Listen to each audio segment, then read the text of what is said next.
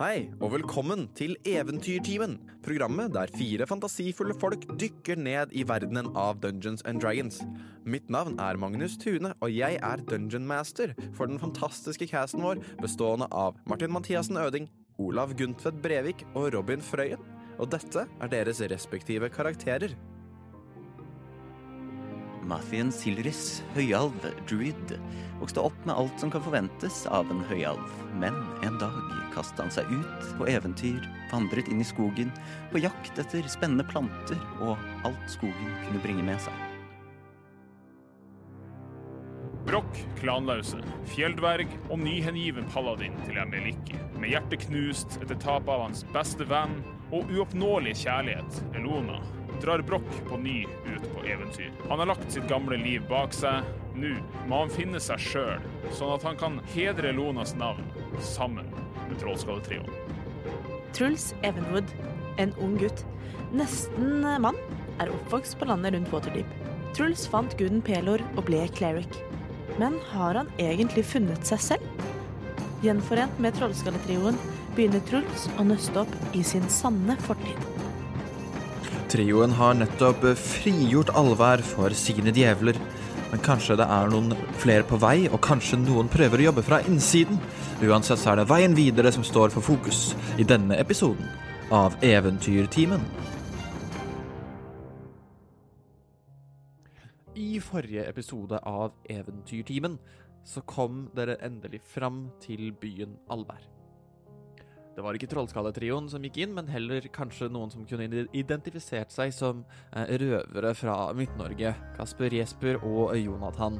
Eh, under dette solide dekket eh, klarte de å snakke med tieflingen Kalto, som da henviste de videre til Igatha, som relativt raskt så gjennom forkledningen, da de ikke hadde noe godt svar på hvorfor de kom inn nordlige port istedenfor sørlige, og prøvde å skal man si, bringe samtalen på andre ting, som at Igatha hadde bursdag.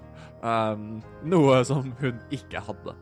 En uh, kamp um, brøt ut, og Broch med sine mye Klikki gjorde kort prosess av, um, av Igatha, men ikke etter å ha tatt ganske mye skade fra kultister som prøvde å angripe han med inflict wounds.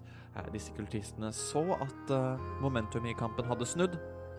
Disse tre nye som skulle ta over kulten, visstnok, uh, var for sterke, og uh, de bestemte seg for å bli med, uh, og heller gi opp da, framfor å slåss til, til døden.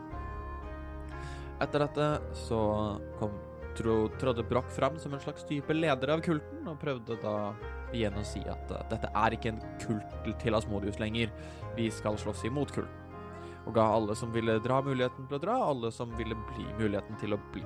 Og en av de som ville bli, eh, var en karakter vi ikke har møtt ennå, men moren til Broch, Nurassa, viste seg å hadde havnet i allvær etter å ha blitt kidnappet under en eh, karavanne, eller som da hun var en del av en karavanne som gikk fra Skroharg til Trondheim. Etter det så hadde dere alle et veldig godt måltid, det virker som en av de som hadde kommet seg ut av Waterdeep, var The Yawning Portal sin bartender Durnan, som da hadde tatt opp jobb da på denne tavernen Varga. Eh, var med å preparere hjort til et stort gilde. Dere spiste, dere koste dere, og i det lille øyeblikket av krig og krise rundt dere, så var det plutselig som å bare være på puben med venner. Dere fikk også vite at uh, Sentarim hadde funnet ut av lokasjonen uh, deres, og i hvert fall da kommet til Alvær, og hadde da også tatt med seg Oliver, som var et koselig gjensyn, i hvert fall for Mathien, nå som Oliver kanskje endelig har fått seg et hjem, hvem vet. Dere Ricoladere, dere. dere har også levelet opp til level 11. Nå begynner det å bli strong, strong, strong boys akkurat nå. Uh, og jeg tenker at Før vi starter, så kan dere kort gå igjennom hva som har skjedd med karakteren deres på level 11. Vi kan starte med Broch. Eh, ja. Broch på level 11, det er eh, Ja, han har eh, fått eh, Fått litt mer helse, og så har han fått en, en ting som heter Improved Divine Smite, som eh, essensielt betyr at Eh, en sånn liten smite-terning, en D8, får jeg gratis på alle slagene mine, sånn at eh, jeg automatisk har litt ekstra hellig energi fra Mieliki i alle slagene mine uten å bruke en smite. Så det er eh, Vi vet jo alle at eh, Broch sårt trengte flere D8-er på slagene sine, så det var bra. Definitivt. Definitivt. Definitely. Uh, Mathien, hva har skjedd med han på level 11? Mathien har uh, Sist gang vi levelte opp, så fikk han jo ganske mange forskjellige immuniteter som er hyggelig å ha med seg. Uh, nå har, har, han fått tilgang til ganske sexy, saucy spells som kan gjøre veldig mye forskjellig artig. Som kan komme godt med. Veldig fint. Så det er da sixth level spells til level 11 druid der, altså. Og da til slutt, Truls, hva har skjedd med deg? Truls har også fått litt mer helse, eh, og som Mathien så har Truls fått tilgang på six level spells, så her er det, det leker ikke trylleformler lenger, for å si det sånn. Så det er uh, nå to veldig sterke spellcasters, kan man si trollmenn, eller uh, i hvert fall uh, trolldombrukere, og en veldig, veldig sterk Tryllekunstnere. Uh, og en, og en veldig veldig sterk halvtryllekunstner. ja, jeg med mine third level spells er veldig misunnelig. Ja, du kan gjøre så lite brokk. Du slår ikke det fra deg i det hele tatt. Ja, du er så ubrukelig. mm. Ubrokkelig. Barnløs. Uh, uansett, så våkner uh, dere da opp uh, på hvert deres rom i alver. Og det som Og det er en long rest. Det er en long rest. ja, Brokk. Jeg vil bare si at eh, før, før, jeg la meg, så tok jeg tida til å kaste litt smites inn i ringen, så den er stappfull av uh, hellig magi. Og så tok jeg meg tida til å mane fram svartpølsa igjen. For det Svartpølsa Vi har savna svartpølsa hele gjengen. Yes, yes. Ja, ja. Men det som vekker dere, er uh, regnet som trommer på vinduene, uh, og tak ved rommene dere sover på. Lyden av vogner som beveger seg utenfor, og det er plask av både hjul og føtter som drar seg gjennom store vanndammer og myrete jord. Uh, været gir følelsen av dagen brygger på et eller annet. At det er noe som står i vente, men uh, dere er ikke helt sikre på hva. Dere har i hvert fall sovet veldig godt. Det er en, uh, deilig, et deilig avbrekk fra husbåten til Konrad. Og dere ser også idet dere våkner opp og åpner dørene deres og går ut av rommene, Eh, så titter dere først, og alle tre har våknet opp. Eller i hvert fall går ut av rommene helt samtidig. Og dere ser også en kiste stående utenfor hvert av rommene deres. Kisten inneholder da alt mulig av Mithral-våpen. Ingen Mithral-rustning. Eh, men dere kan da velge om dere ønsker å bare legge til eh, noe som helst i, i inventoryet deres av Mithral-våpen. Det skal legges til at mitralvåpen er pluss én. OK. I hvert fall disse. Jeg fikk jo jeg fikk jo en forrige session en Staff of the Woodlands som jeg er veldig fornøyd med. Den kan jo gjøre veldig mye gøy. Uh, så vet ikke, kanskje Vet ikke om jeg Kanskje noen uh, piler, er det det? Uh, det er noen piler, ja. Jeg har jo Sevianas bue. Ja. som jeg Ja så kan jeg ikke få noen piler. Uh, sure. Ja. Du kan legge til uh, du, det, Si det er ti pluss én piler uh, inni der, da. Som mm. betyr da at du kan Har du fått Sevianas bue inn i inventoryet ditt? Nei. OK, da skal vi ordne det om det blir relevant. Ja. Brokk. Uh, jeg plukker med meg en hel bråte med kastøkser, for det, det, det er lenge siden jeg har hatt. Uh, jeg er glad i disse kastøksene mine. De er yes. egentlig ganske dugelige, men eh, de er artige. Og hvis det er noen sånne eh, crossbow-boltser, eller sånne crossbow-ting, så tar jeg gjerne det. Så du finner tre kastøkser? Tre kastøkser? Uh, jeg pleier å ha 18. Ja, OK, men jeg tar alle tre. men igjen, mitral er litt vanskeligere å komme rundt. Men du finner ti også pluss én crossbow bolt. Så hvordan fungerer det da? For jeg har en pluss én crossbow. Ja, da legger du til en til når du bruker disse boltene. Nydelig. Tusen takk, DM. Det var snilt av deg. Uh, kan, Kan jeg, bare fordi det er litt gøy, kan jeg finne et Mithral nett? nett? Uh, Som i kastenett, liksom? Gjør en investigation check, da. Jeg, jeg har bare lyst på litt sånn pur faenskap. Jo, men altså, det, det er ikke, det er ikke dumt.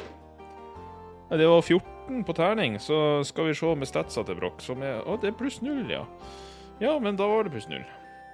Jeg skal si dette at eh, du, du finner dessverre ikke noe nett. Du, du føler at hvis de hadde hatt Uh, muligheten til å lage sånn type mesh, at man kunne lagd et helt nett av mitral, som er et stål, så hadde de heller brukt det til rustninger uh, framfor et nett. Så det er ikke noe mitral-nett, nei. Okay. Er det noe Er det mitral Unnskyld.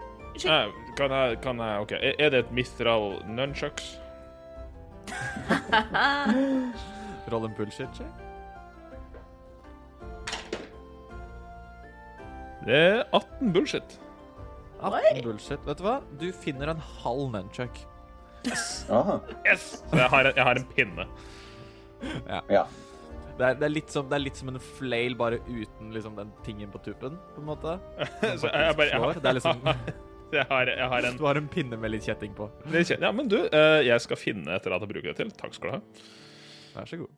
Uh, jo, også før vi kommer i gang, så skal jeg si at min homebrew på å caste bonus action spells osv. er at uh, du kan caste da en, en tredjedel av ditt øverste nivå i tillegg til en annen spill uh, over det nivået. Det er en veldig rar måte å beskrive det på. Den enkle måten å gjøre det på er at hvis dere vil caste to spells i løpet av en runde, så er en av de nødt til å være level 2 eller lavere. Eh, før så var det level 1, men nå er det økt til level 2, så man kan caste ting som spiritual weapon og greater restoration på samme runde, om man ønsker. Men på det med spiritual weapon, kan Ja. man caste det hvis man allerede er borte? Jeg føler meg angrepet her nå. Altså. Jeg har bare brukt spiritual weapon sånn cirka hver kamp i hele kampanjen, og har fremdeles ikke skjønt meg helt på det. Jeg lurer på, eh, er det noe tegn til avsender ved disse kistene? Vent, får ikke, får ikke Truls titte i kista engang? Jo, vent. Ja. Nå har det seg jo sånn at Truls har en veldig fin dolk, så jeg er ikke sånn kjempeinteressert egentlig. Men uh, er det noe Du sa at det ikke er rustninger, men er det noe mitral skjold?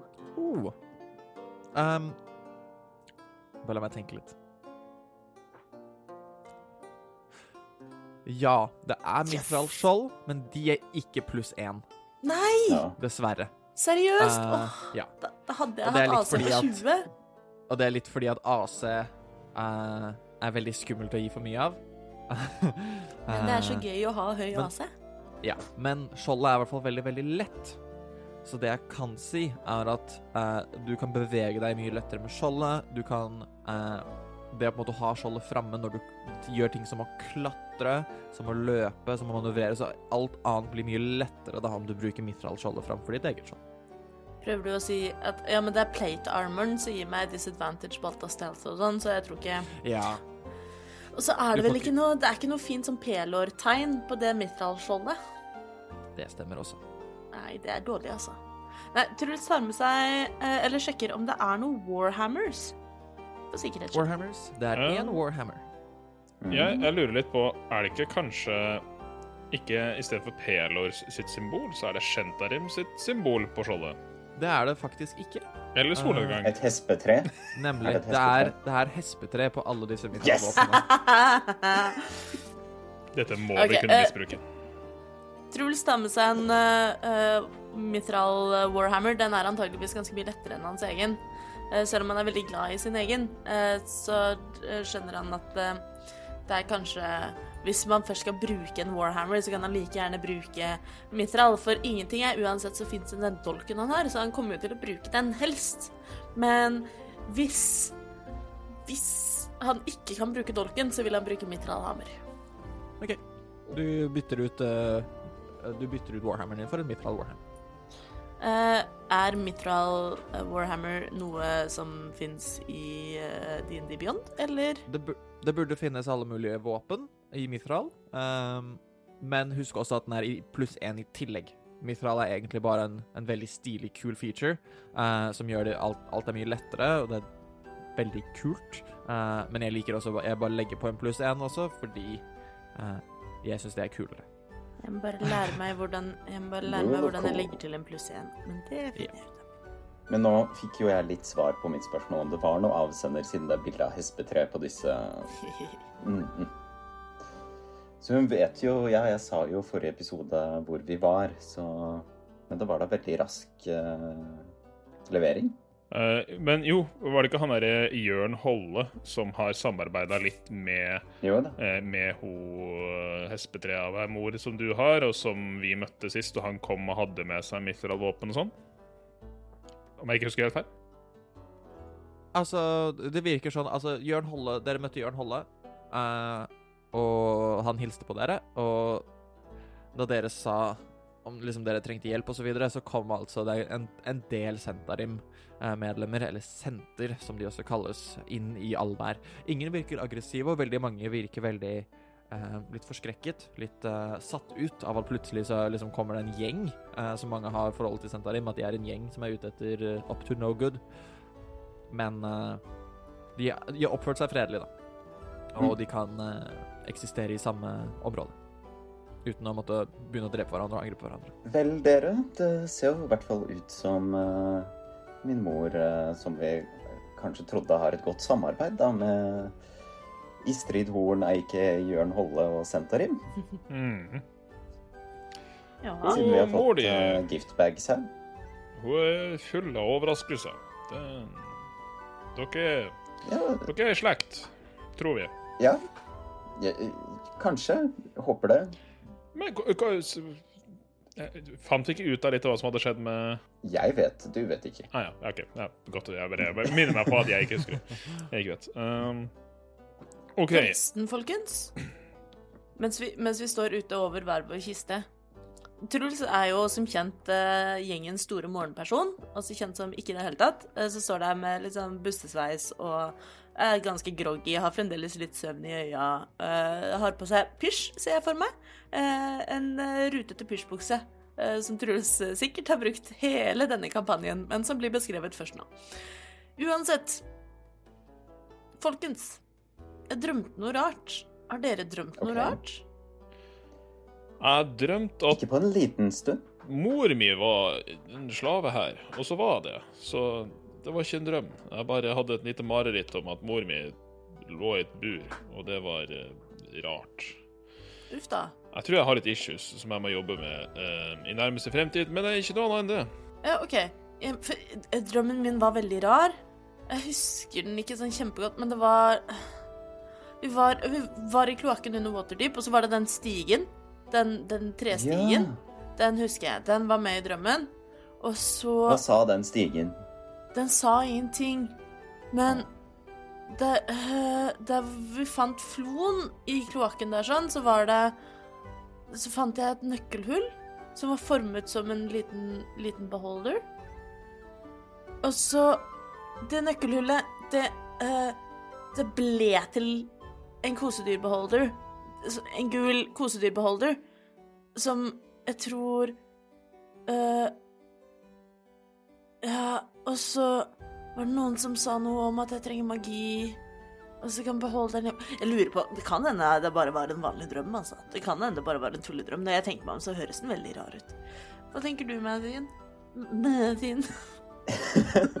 Nei, men vi vet jo at uh, selv om det er en kosedyrbeholder eller en Så vet vi jo hvem beholderen i Waterdeep er. Så var det sannhet du drømte om? Ja, det er litt det jeg lurer på. Og så hadde vi jo Vi brukte jo en kosedyrbeholder da vi prøvde å åpne den døra i det eh, fyrhuset, om jeg ikke husker feil. Mm. Med svela og sånn. Ja, svele. jeg, jeg, har jo, jeg har jo fremdeles den her. Så tar jeg fram eh, I en av våre første sessions så hogga jeg og jeg veldig pent ut formen og til, til denne eh, beholderen, den nøkkelen av stein. Eh, var det den du så, Truls? Liksom noe sånt noe? Ja, jeg tror det. Eller jeg så nøkkelhullet. Jeg så liksom ikke, ikke Ja, mm, men det Ja. Det ser jo veldig kjent ut. Kan ikke du ta vare på den her, for jeg, jeg, jeg er litt redd for at jeg setter meg på den, og så brekker et av øynene på den. Uh, Ah, si- ok. Siden siden du driver og drømmer om det, så tenker jeg at kanskje du kan ta, ta den her, og så kanskje du drømmer litt mer om det, så vi får litt mer info. Muligens. Jeg kan i hvert fall ta og putte den i, i gymbagen min. Som jeg tror sin Men hva var det denne stemmen sa til deg? Eh, den sa Jo, jeg husker det, for det lød så, lød så fint. Det var Hjelp meg, hjelpe dere, hjelpe byen, lykke til. Lykke til. Ja, hjelp meg, hjelpe dere, hjelpe byen, lykke til. Ja, det var noe hyggelig, i hvert fall. Men ikke noe mer om hvordan vi skal hjelpe stemmen? Nei, det var dette med at det, vi trenger magi i drømmen. Så var det Men det, det var det, Jeg vet ikke om det var beholderne som sa det. Det var bare en stemme som sa 'du trenger magi'. Og det har jeg jo. Så Men eh, jo, nei. At, at en gul kosedyrbeholder som sa at de kan hjelpe oss. Hjelp meg, hjelpe dere, hjelpe byen. Lykke til. Det, ja. mm. Lykke til. Altså, jeg jeg vet at det stort sett bare var jeg som så det da vi var nedi der, men jeg prøvde å ta igjen han der tentakeltrynet da han stakk av Mm. første gangen. Eh, og da, da var jo han sikkert en kraftigere magiker enn vi var på det tidspunktet, i hvert fall mer enn meg. Men det er jo ganske lenge siden, og, og vi har jo blitt ganske kraftige magikere siden den gangen, eller i hvert fall, har dere blitt det. Så så kanskje det var det han der eh, Senatar prata på, at eh, nå som du har sånn super magi, så kanskje du har god nok magi til å komme igjennom. Kanskje det? Um, og så husker jeg uh, når vi var inne i butikken til han jeg ikke kommer navnet på nå, han som er så glad i lilla og har en fantastisk Åh. karakter, eh, stemme. Hva heter han igjen? Soblob! Soblob! Ja, Nå sto det i helt stille for meg òg. Soblob sin butikk. Uh, han hadde jo vært inne i Sanatar sitt innerste sanktum, holdt jeg på å si, og fortalte at han drev og svevde fram og tilbake, snakket med en fisk, gjorde sånne ting. Og han hadde jo de fargene. Ja, Det var jo sånn han er beskrevet. og, og Soblob var jo Det var jo han som hadde den gule beholderkostyret som vi kjøpte fra Ja. Soblob. Så Mm. kanskje vi skal høre litt med Soblob? Men hvordan kan vi kontakte Soblob? Mm. Hvis ikke han også er i allvær, da. jeg, Plutselig.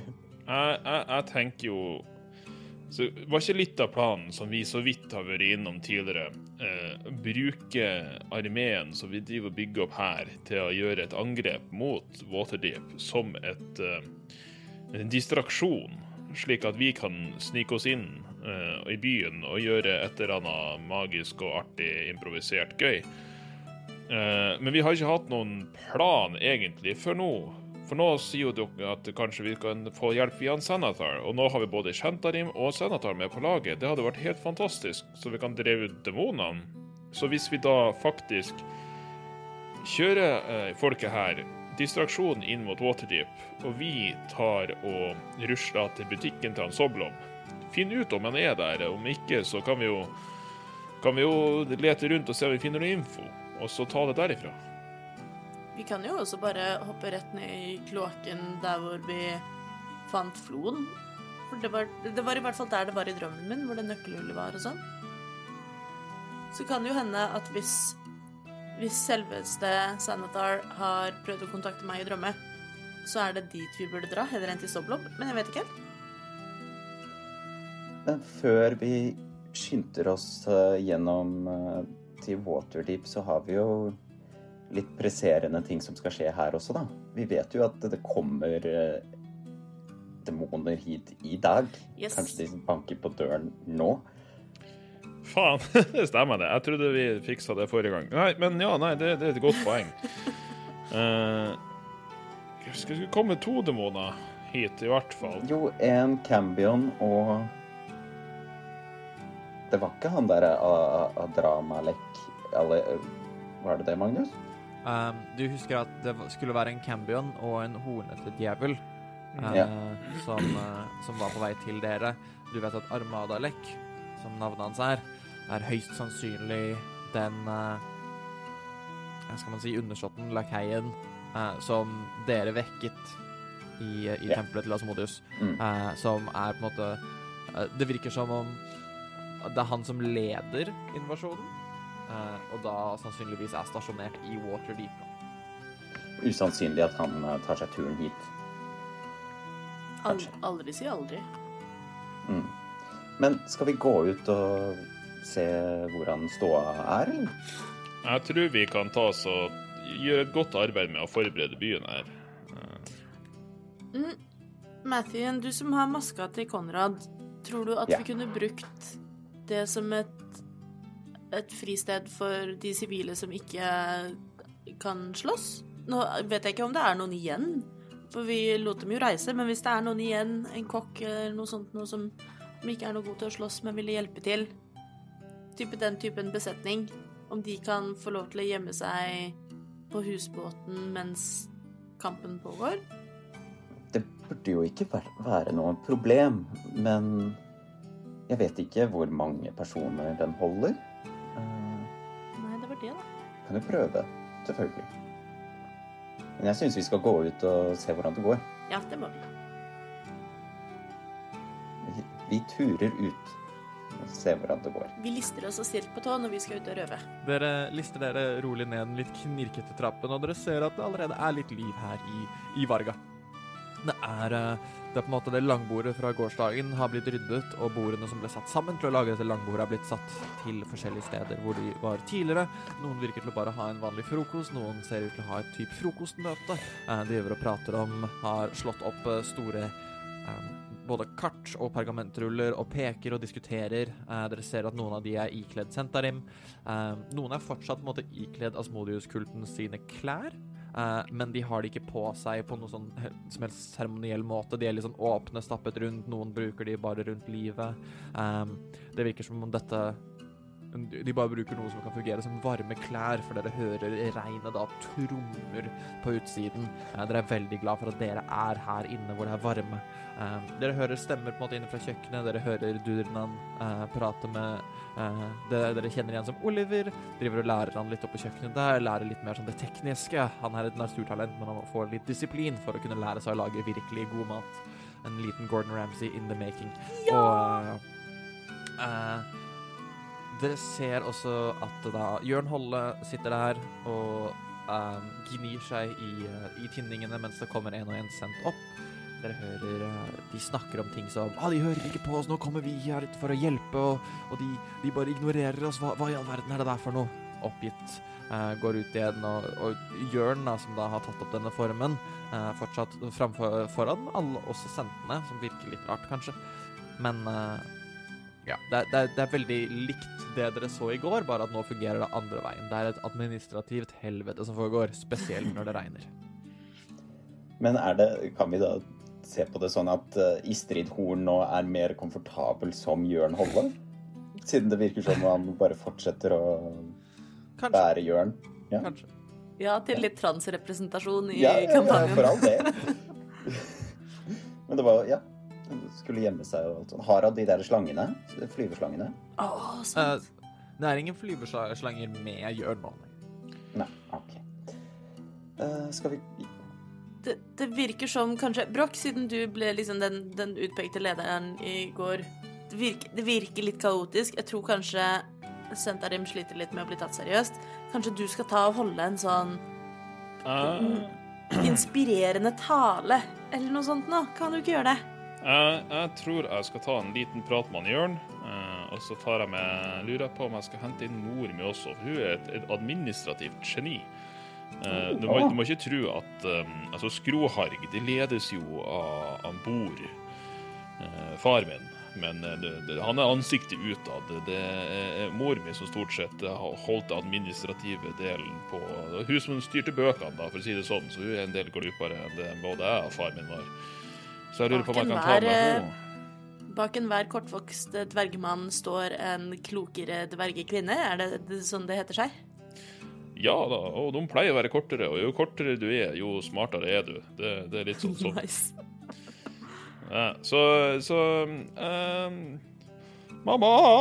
Nei, eh, ehm, eh, Jeg tusler ut i regnet og ser om jeg finner, finner en russer. eh, og så Nurassa.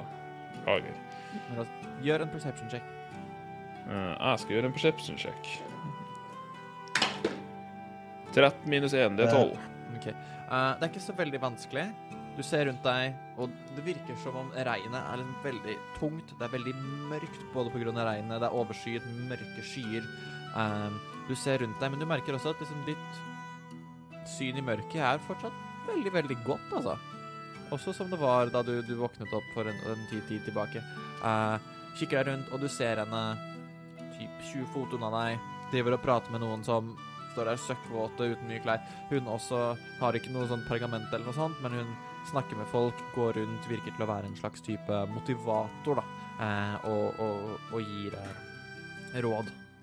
Er hun en life coach? Kanskje litt. Eh, hva var det?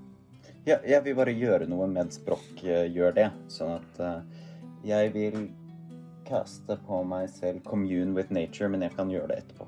OK, sure. Men du begynner med det, og så da kommer vi Ja, tilbake til Broch det er- ja. kjenner. Sure. Mm. OK, jeg, jeg rusla bort til mor mi. Hei, morsan.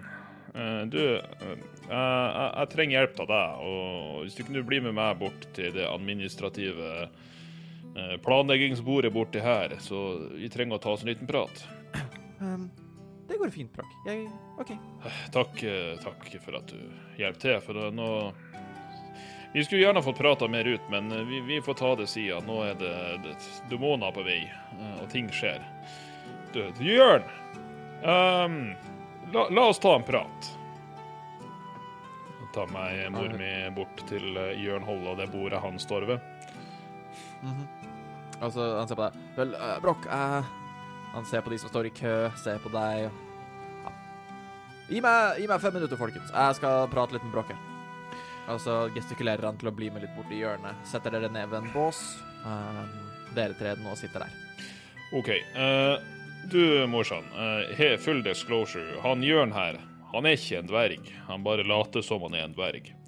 Men det at han er en dverg og har tatt litt ledelse av disse Shentarim-folka, det tror jeg blir, eh, blir smart. Eh, for det Hvis jeg er dverg, og du er en dverg, og han er en dverg, så er det naturlig at vi prøver å, å organisere oss på ordentlig dvergevis. For det jeg tror er problemet med byen her, at her har man skorta inn med masse forskjellige folk og masse forskjellige kulturer. Og alle har hatt veldig gode ideer om hvordan man skal organisere ting. Og ingen har snakka med hverandre, og det har blitt organisert på sju forskjellige måter, og det her går ikke. Så hvis jeg skjønner det korrekt, så er det sånn at det, dere trenger hjelp her? Ja. Um... Jeg, jeg, jeg, jeg har virkelig drevet skroharg i ganske mange år, så jeg tror jeg kan hjelpe deg, Jørn. Og du ser hun uh, rekker fram hånden uh, mot han, og Jørn har på en måte aldri sluttet å stirre på deg, Brokk. Um, før du på en måte igjen ser bare sånn pannen av illusjonen går ned, og du ser på en måte den, uh, den mørke, mørke huden under, uh, hvor han sier 'Jeg er fortsatt en dverg'. Jeg er bare ikke din type dverg. nettopp. Og, uh, og den uh, på en måte pannen blir dekket til igjen. Uh, så når altså jeg Full disclosures, Broch har både rett og, og feil på en gang. Jeg heter Navnet mitt er, ikke så viktig akkurat nå, men jeg er en duergar. Og eh, jeg forstår at dere har noen problemer med det, dere andre eh, dverger. Men eh, ja, jeg er nå en duergar. Har du problemer med det? Og Nurassa ser opp og dere begge jeg, jeg tror nok at jeg kan leve med det for i hvert fall noen dager framover. Men uh, vi må nok ta oss en prat når dette her er, er over, Jørn. Ja. Men uh, du trenger hjelp. Og hun på en måte begynner å se over de papirene Jørn har, og de begynner å, å, å samarbeide litt. Grann. Uh, og jeg, jeg må jo bare presse det ut, Jørn, at uh, jeg setter veldig pris på at du hjelper til her. Uh, det skal ikke stikkes under en stol at ja, det er en del skal si, rasebetinga fordommer mellom dverger og, og mørkdverger, som man også kan omtale det som. Men vi skal la den trylen gå deg til gode. Grunnen til at jeg ikke helt stoler på deg, er at du er en kjentarim, og vi kødda mye rundt før. Men så langt så har du vist deg pålitelig, så vi samarbeider, og så tar vi det derfra. Men hvis dere to kan legge en slagplan her, og jeg kan stå på et bord og brøle høyt og gi dere legitimitet, nå som jeg plutselig er lederen av denne kulten her, så tenker jeg at ting går litt mer smooth. Og kanskje Mathin kan få det til å slutte å regne. Hvem vet? Og uh, de kikker på hverandre, og, og Jørn igjen Vel, uh, Brokk, det, det er godt at du uh, Takk for at du sier det. Jeg, jeg skal si fra om jeg trenger hjelp om du står og brøler, eh, men akkurat nå så handler det mer om at vi må få eh, prosess her. eh, prøve å få et lite forsvar mot de eventuelle djevlene som dukker opp i dag.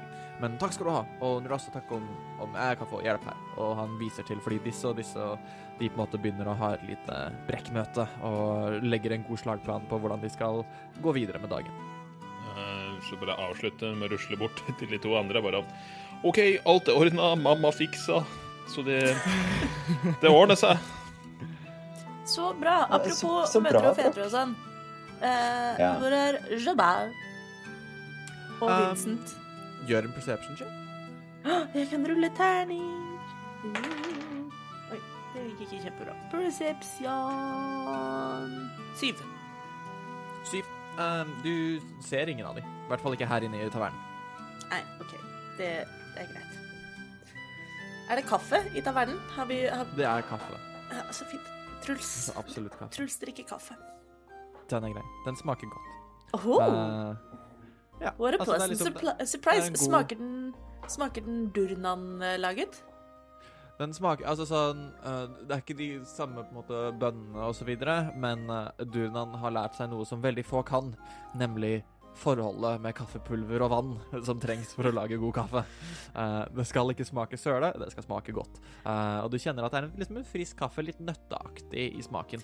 Uh, nesten som et lite sjokoladepreg. Å, herregud, jeg elsker at vi har gått fra å være ølsnobber som liksom skal ha spesielle typer øl, til nå å drikke kaffe med nøttepreg og sjokoladearoma. Ja, men det, det høres veldig bra ut. Fikk jeg lyst på Yes. kaffe. Jeg fikk så lyst på kaffe. Jeg tror vi må Eh, ta, må ta en pause midt i innspillinga her for å lage kaffe etterpå. Ja, jeg, jeg, jeg rusler i hvert fall opp, og så jeg vet ikke om det er i beholderen ved siden av durnaen, eller om det er i søpla ved siden av, men jeg samler opp litt god gammeldags kaffegrut, sånn at jeg har det til å stappe under Å, leppa. herregud, sant. Mm. Ja. Den er grei. Du har ikke begynt å produsere sånne små uh, priser med kaffegrut som du kan uh, ta med deg? Kanskje i en liten rund boks? Det er backup-planen min. Altså, Hvis heltegreia og Elona ikke funka, så tenkte jeg jeg skulle begynne sånn selskap og lage små poser med kaffegrut. Små poser med kaffegrut. Ja, jeg lurer på S- s- Sprut? Nei. Nei. Nei. Overhodet Nei. Nei vel. Hvilken sprut er det du har i munnen? Kan jeg få uh, sprut white extra fresh? Ja. Gud. Ferdig nå. Okay. Ferdig nå. Hvis noen lager det, så vil vi ha penger. Uh, Martin, Martin, du kaster commune. Um, Nei, nei, nei. nei. Jeg kom på at uh, noe annet okay. uh, som jeg heller har lyst til å gjøre. For jeg vil egentlig speide og sjekke om disse demonene nærmer seg. Så jeg vil bli til en hauk og ta meg en scouting-tur. Kult. Så du Men jeg sier til Broch og Truls at det er det jeg tenker å gjøre, og så kan de kanskje gjøre klar populasjonen til uh, Siege. Truls går nok uh, i så fall ut og ser uh, Finner Shuba og Vincent og henger med dem, tror jeg. Ja. Så Truls går ut og, og, og prøver å lete etter de. Uh, Mathin, du blir en hauk. Brokk.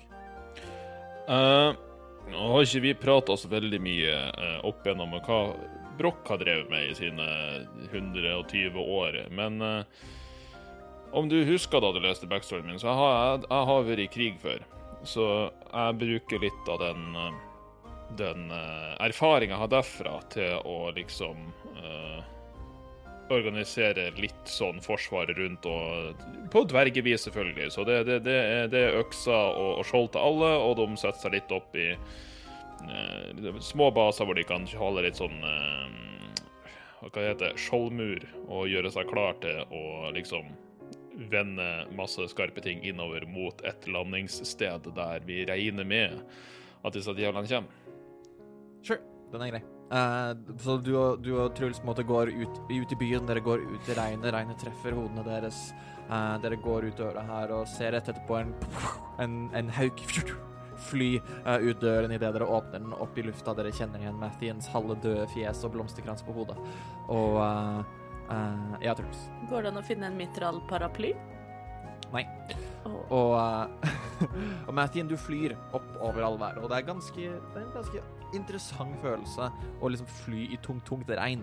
Du kjenner at uh, fjærene dine blir umiddelbart søkkvåte. Uh, det er veldig ubehagelig for hodet ditt. Blomsterkransen henger nå på en måte ned ved siden av øynene dine. Mm. Eh, men du kan fortsatt fly. Det er ikke sånn at du Det er farlig, men det er veldig ubehagelig og veldig kaldt og ekkelt. Det er litt som å ligge i en sovepose som har blitt dyppet i kaldt vann. Men du flyr opp, og du scouter rundt. Eh, du ser også Alvær fra ovenifra. Eh, du ser også sørover første gang fra allvær hvor du da kan skimte eh, i horisonten eh, segn på en tett skog, og litt da du ser sørover, og litt da øst for eh, denne skogen, så ser du Skrohargfjellene eh, reise seg, og du vet at bak der et sted så ligger da Waterdeep. Men du har i hvert fall flydd opp og ser deg rundt, og jeg vil at du skal gjøre en perception check. Jeg tror du får Ja. advantage, for du er hauk. Helt riktig. OK. Den trenger vi kanskje. Ja, det var bedre. 18. 18. Eh, sånn at du, du hauker rundt og, og, og kikker. Du ser de mange nedbrente gårdene. Ser etter der. Du antar at djevlene kommer eh, sørfra, så du flyr lenger sørover. Eh, og du ser det ganske tydelig.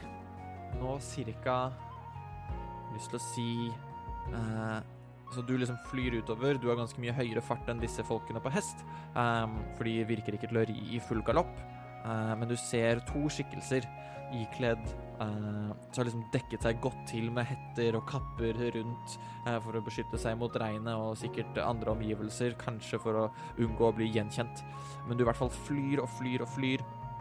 Uh, du ser de, de Du ser liksom da De beveger seg litt, kikker nesten opp på deg, men du klarer ikke å se noe, noe gjenkjennelse eller noe du kjenner igjen i fjesene deres, og de setter opp farten og rir nå raskere mot Alver. Hvor eh, På hest, hvor lang tid eh, unna er de? Du vil nok tro at om du nå flyr full fart tilbake, eh, så vil du eh, kunne si fra ca. ti minutter før de ankommer. Å, herregud. Sånn at vi kan si at Eh. hele, hele den prosessen der har tatt ca. Sånn fra du ble hauk og kom tilbake igjen, så har det tatt ca. en time. Kan du være okay. hauk så lenge? Vi sier du kan være fem, så lenge. Fem timer. Ja, nemlig. Så du Det har tatt ca. en time, dette rekognoseringsoppdraget ditt.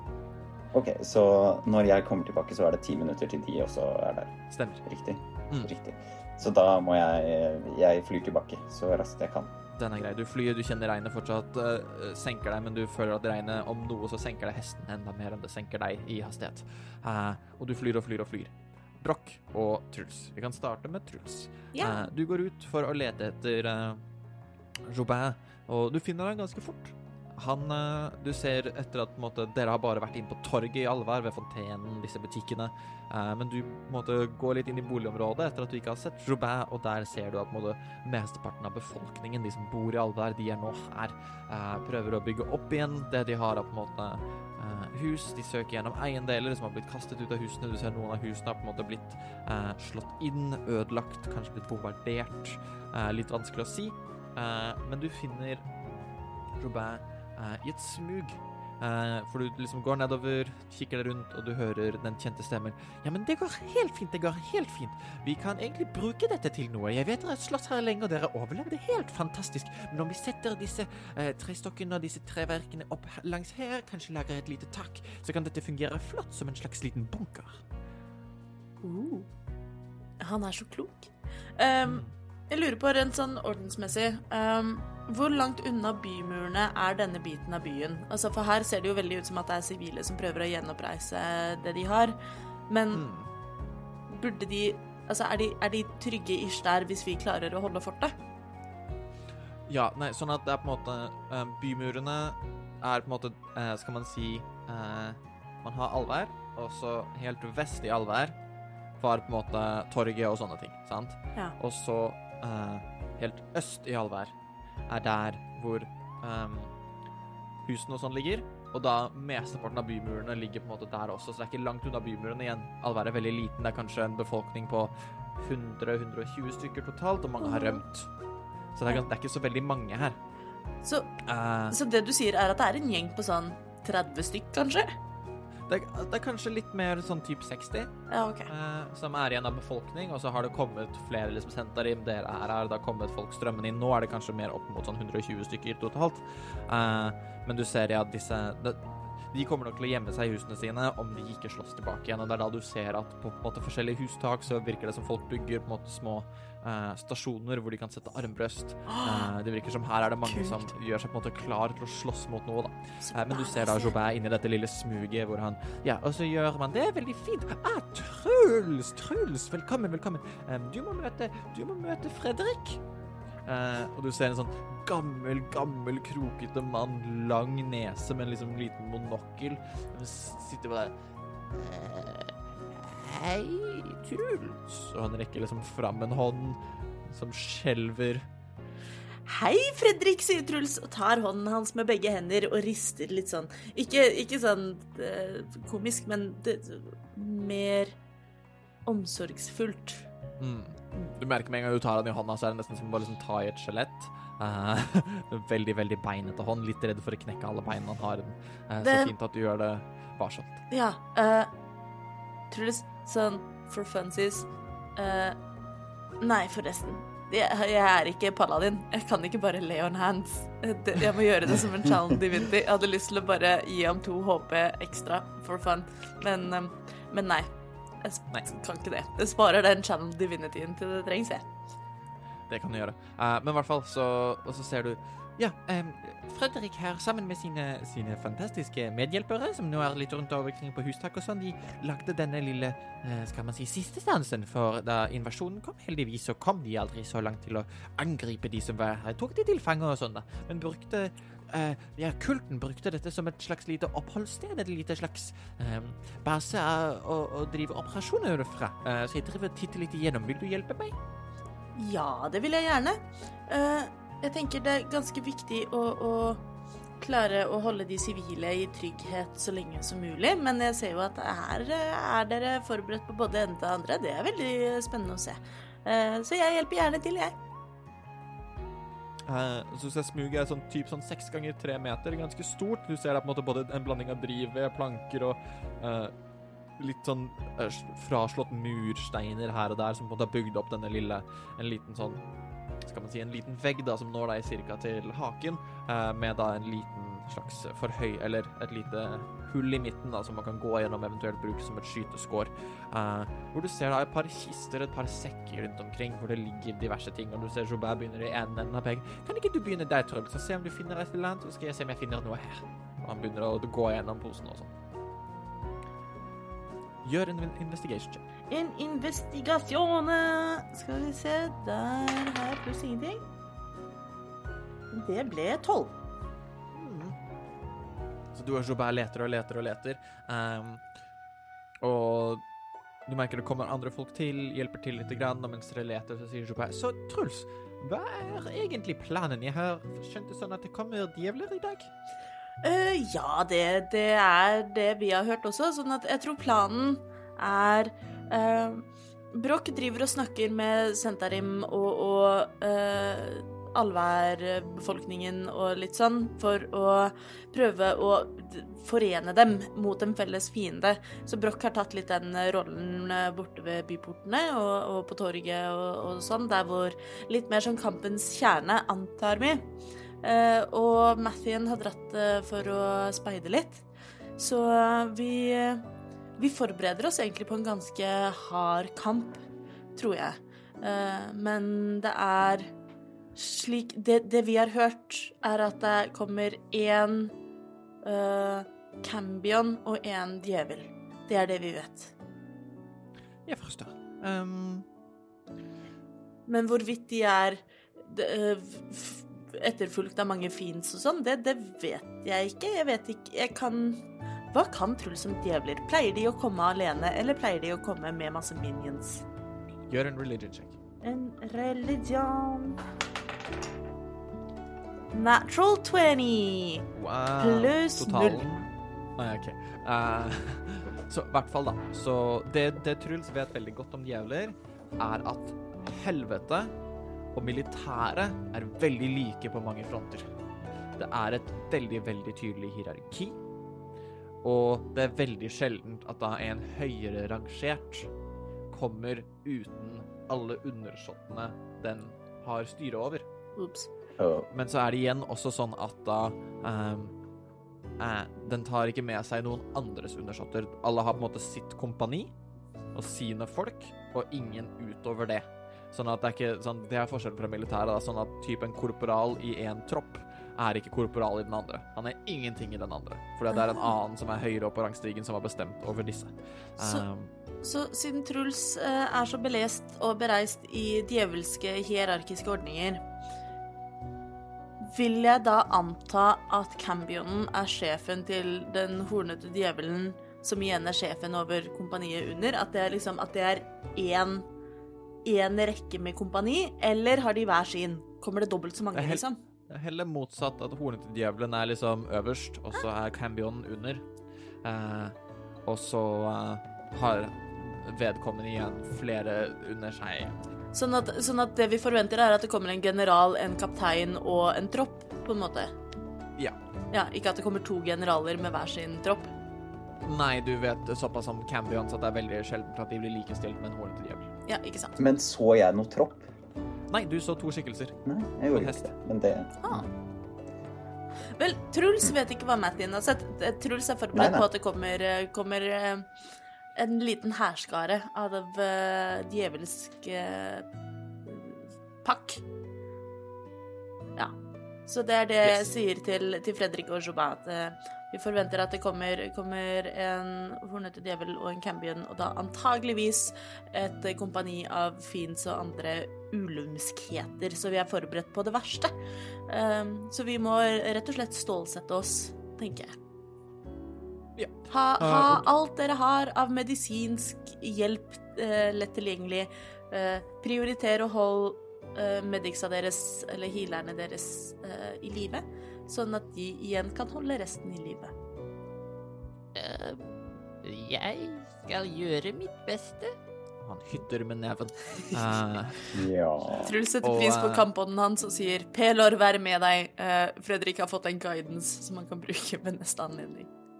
Yes. Og dere på en måte samler, har nå samlet alt av på en måte, interesse som var i disse sekkene, kistene osv., inn i én kiste sentralt, som Joubert plukker opp og sånn Ja, jeg forstår det slik at denne skal tilbake inn til Varga, så vi kan gå gjennom det etterpå. Um, ja.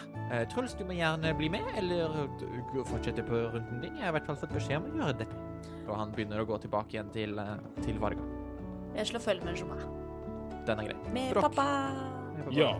Jeg rusler nå bare rundt og prøver å Altså, jeg, jeg vet jo ikke om disse djevlene kommer flyvende, eller om de kommer ridende eller gående, eller bare dukker opp fra bakken. Så egentlig så Den er jo relativt eh, Altså, jeg prøver egentlig bare å tenke at vi får dem inn i byen, og så angriper de litt fra alle kanter. Så jeg prøver liksom å lage små stasjoner så stelle folk opp og gjøre dem klare til liksom OK, hvis de kommer inn, så prøver vi å skyte med armbrøst for dem som har det, og presse inn sånn at eh, Jeg regner jo med at det blir vi eh, ekstra magiske folka som hopper inn og står i, i nærkamp, men sånn at man har på en måte en mur rundt til å hjelpe oss.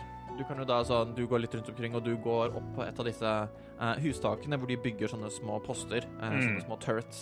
Um, og du ser liksom, du går, du kommer deg opp på et sånt tak gjennom uh, en stige som står på siden. Stigen er bare lagd av metall. Don't get your panties in a bunch. Uh, du ser opp på må- jeg må jo si det, jeg har aldri brydd meg om det er tre eller ikke. Det, det Spørsmålet er om den er inkluderende eller ikke. ja. Hvordan går det? Er, er det problemer.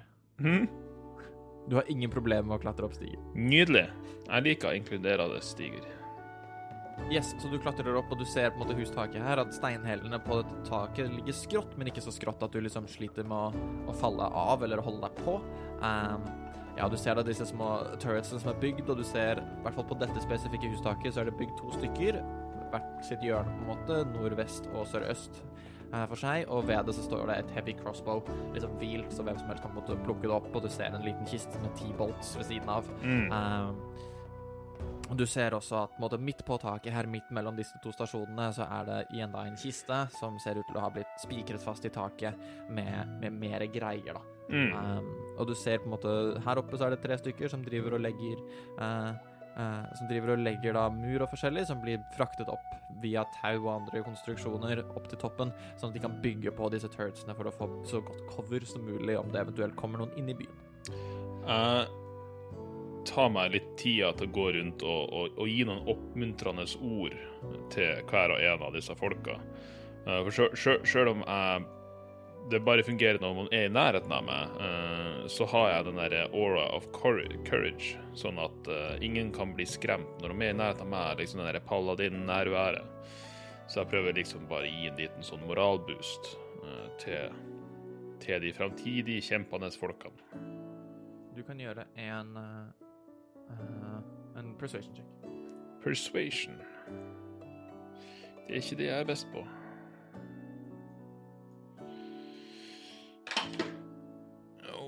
Persuasion, persuasion. Pluss to, så 15. 15. Uh, ikke veldig dumt. Du, uh, du liksom snakker med dem, og de virker som om de uh, stålsetter seg litt. Grann. De gjør seg mer klare til eh, eh, eh, hva liksom dagen bringer. Eh, og du merker også at når du klatrer ned og har måte tatt rundene dine, så er det en som stopper deg og sier eh, Er du? Du, du, du. eh, Brokk, sant? Eh, ja, det, det er meg. Vi har vært eh, i det ene hjørnet av områdene. Vi har fått beskjed om å samle på en måte alt av gjenstander som kan, eventuelt kan hjelpe oss. Så her og han på en måte har funnet en kiste, ikke veldig stor, eh, som han gir til deg. Eh, kan du ikke ta med den til de som leder opplegget på taverna? De kan eh, De kommer til å vite hva vi skal gjøre med disse tingene. Uh, OK. Jeg tar i kista. Og så åpner den opp før jeg går inn, for jeg er nysgjerrig. Du åpner den opp, og du ser på en måte alt mulig av liksom godt polert sverd til eh, små liksom sånn noe som kan se ut som solur. Eh, noen sånne små firkanter. Du ser noen terninger ligge der. Eh, det virker som om ehm, Det er litt Du kan gjøre en inside check, egentlig. Tre minus én, så det, det Eller er det minus jeg har? Jeg bare går ut ifra at jeg har det. Nei, jeg har faktisk pluss tre, så seks. Vinner jeg da? Seks. Så eh, Ikke sant. Du liksom føler at det var veldig mye uvanlige ting her. Men ikke noe farlig. Ja, det her er bare crap. Så jeg går nå og, og leverer det til, til mor mi og, og Jørn. Tenker at de vet sikkert bedre hva de kan gjøre med dette enn jeg kan.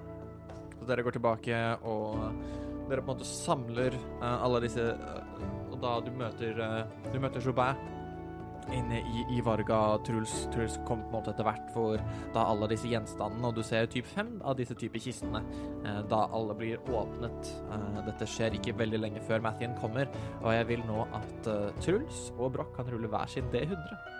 D100? det er gøy. Det er lenge siden Truls har rullet D100. Det er ikke så lenge siden, du kan bro. faktisk rulle- Du kan rulle to, du.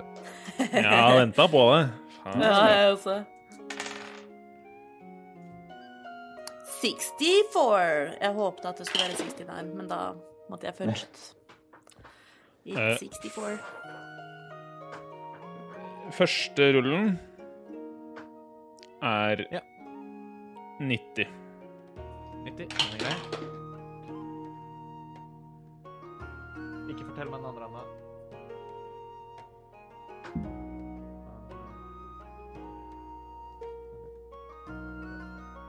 OK, og den andre er Også 90, OK.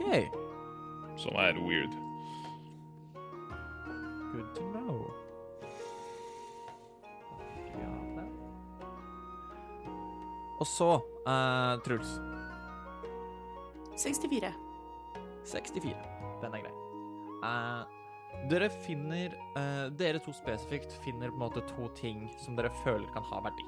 Uh, brakk det første du legger merke til, mens du på en måte går gjennom her og har veldig mye sånn tull og terninger og alt mulig, og du blir litt rastløs av å lete etter et eller annet våpen. Du føler at mange av disse gjenstandene har en eller annen type magisk eh, virkning ved seg.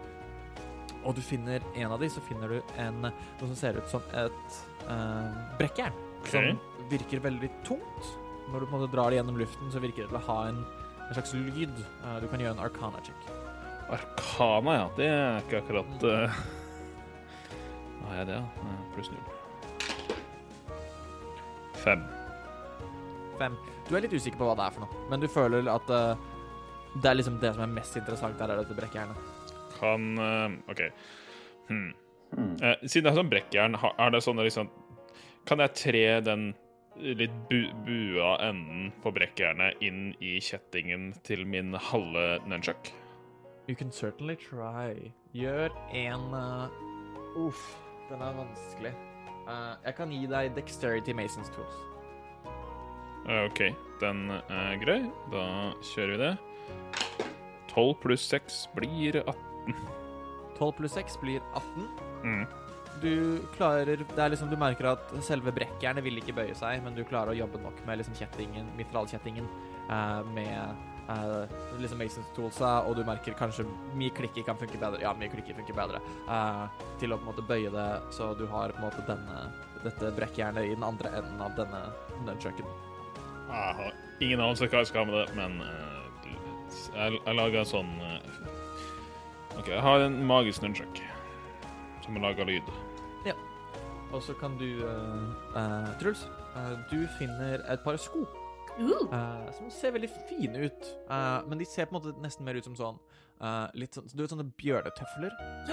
Eh, De har på en måte litt den følelsen, bare at det er fortsatt en boot som du kan bruke utendørs, men har en litt sånn dyrisk effekt ved seg, da. Du Er kan det- gjøre en arcana check. Er det som de sherroxene man hadde da man var liten, med sånn krokodillefjes? Veldig, veldig Sherrox med krokodillefjes. Yes! OK. Uh, Arcana sjekk, sier du? Jepp. Okidoki Oi, oi, oi, oi. Um, Arcana 16. 16. Så du har fått noe som heter Boots of False Tracks. Lager den, så, lager den bjørnespor? Sånn at only humanoids can wear these boots. While wearing the boots, you can choose to have them leave tracks like those of any other humanoid, or kind of humanoid of your size. Uh. Sånn at typ, eh, om dere blir tracket, eh, og rangers og sånn kan vite veldig godt om det er et menneske, om det er en alv, om det er en dragonborn, en minotaur for den saks skyld. Eh, så du kan, av ting som klassifiseres som humanoids, playable races også, ehm, kan du da lage spor som med disse skoene. Og de er ikke attunement. Moro. Wow. Eh, Yes. Kan, kan, jeg liksom, kan jeg gå med dem konstant, eller vil det gi utslag for plate-armoren min? Uh, nei, nei, nei, de kan du bare gå med. Igjen, de, det er bare sko. Nice. Jeg Plate tar, armor handler mer om uh, liksom det du har av brystbeskyttelse og, og beinbeskyttelse, ikke så mye akkurat føttene dine. ikke sant? Men uh, da tar jeg dem på under Jeg ser for meg at plate armor har sånn metallokk som du kan legge på Liksom som legger seg over skoen, så har du vanlige sko under. Eh, Det er mer et beskyttende panel. ja. Exactly. Uh, nei, så Truls drar på seg skjærvoksene sine uh, og syns det er veldig stas, og går uh, de neste fem minuttene og lager eh, eh, bugbear-spor. Sure. Sånn at dere, dere ser sånn igjen her inne i taverna, så gir det ikke så mye mening, men en gang Truls går litt ut i regnet, så plutselig er det sånn enorme spor som følger etter han. Han har det veldig gøy med det. De blir fylt med søle og samlet sammen igjen, men de er ganske, det er ganske gøy. Og siden, siden eh, nå lever jeg mine skjærvoksdrømmer, så Truls hopper også i et par sølepytter og har det generelt veldig fint. Yes. Uh, og det er ca. på dette tidspunktet hvor Dumathien returnerer. Ja. Og det er også her vi tar oss en liten pause i Norges beste podkast. I min ydmyke mening, selvsagt. Følg oss gjerne på sosiale medier, hør på podkasten vår der du hører podkast, og viktigst av alt, del Eventyrtimen med en venn. Vi har fått to nye medlemmer, så kanskje du kan få dem hei. Det kommer nytt blod inn, hør på disse. Dette kommer til å bli en helt fantastisk fremtid for Eventyrtimen, men eneste måten å gjøre det på, er å ha deg med på laget. Så like and subscribe, del med en venn, og kos deg med resten av episoden.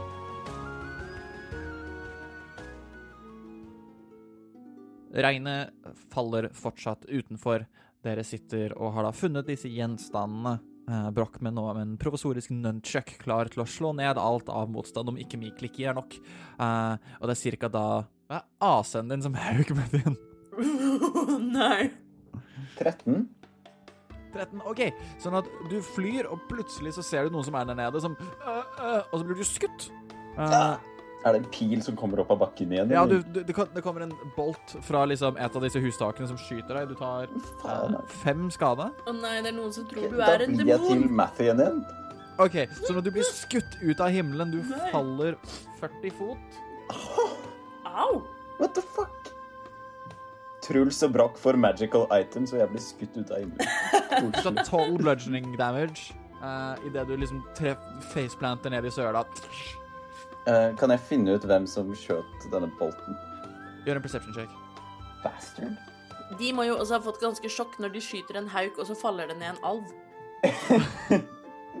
Perception. Jeg har veldig god perception. Å ja, ja. 18 pluss 8. Skjønner de at de har skutt Mathien? Oi, shit. Uh, ja, sånn at det som skjer, Du kommer i veldig høy hastighet, sant? og du ser plutselig ned til høyre for deg. Uh, så kommer det en bolt, treffer deg akkurat på en måte under vingen idet du blir til Mathien, men momentumet forsvinner jo ikke. Du fyker jo på en måte framover nå, men Mm. faller, faller, faller, faller.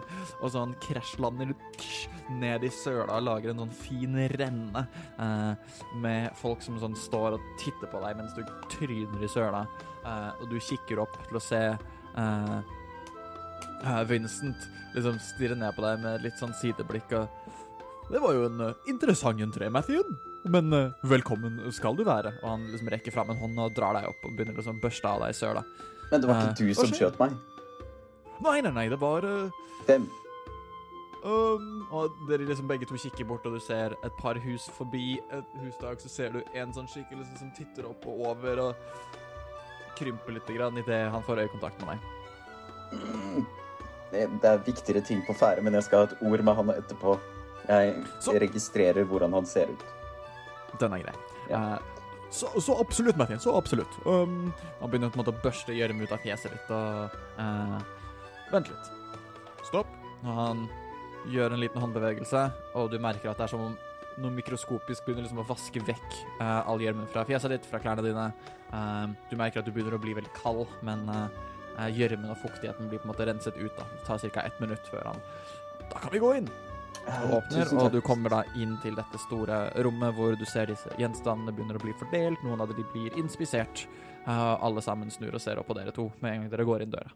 Jeg har speidet rundt i en time nå. Blitt skutt ut av himmelen, landet i en gjørmedam, blitt vasket av eh, Vincent. Eh, det kommer to skikkelser på hest. Eh, det var meldt at det var to djevler som skulle komme. De er nå ni minutter unna. Uh, Ut ifra den tiden Så de er her om ni minutter.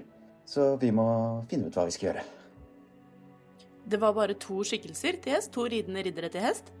Eh, to ridende skikkelser, i hvert fall riddere, vet jeg ikke så mye om. Men eh, kan ikke jeg ta på meg den um, For vi vet ikke om dette her er djevlene eller ikke. Kanskje, men det, de, de hadde kapper, sa du? Kapper. Kanskje, Røde kanskje kapper? Hette eh, beskyttelse mot vær. Ah.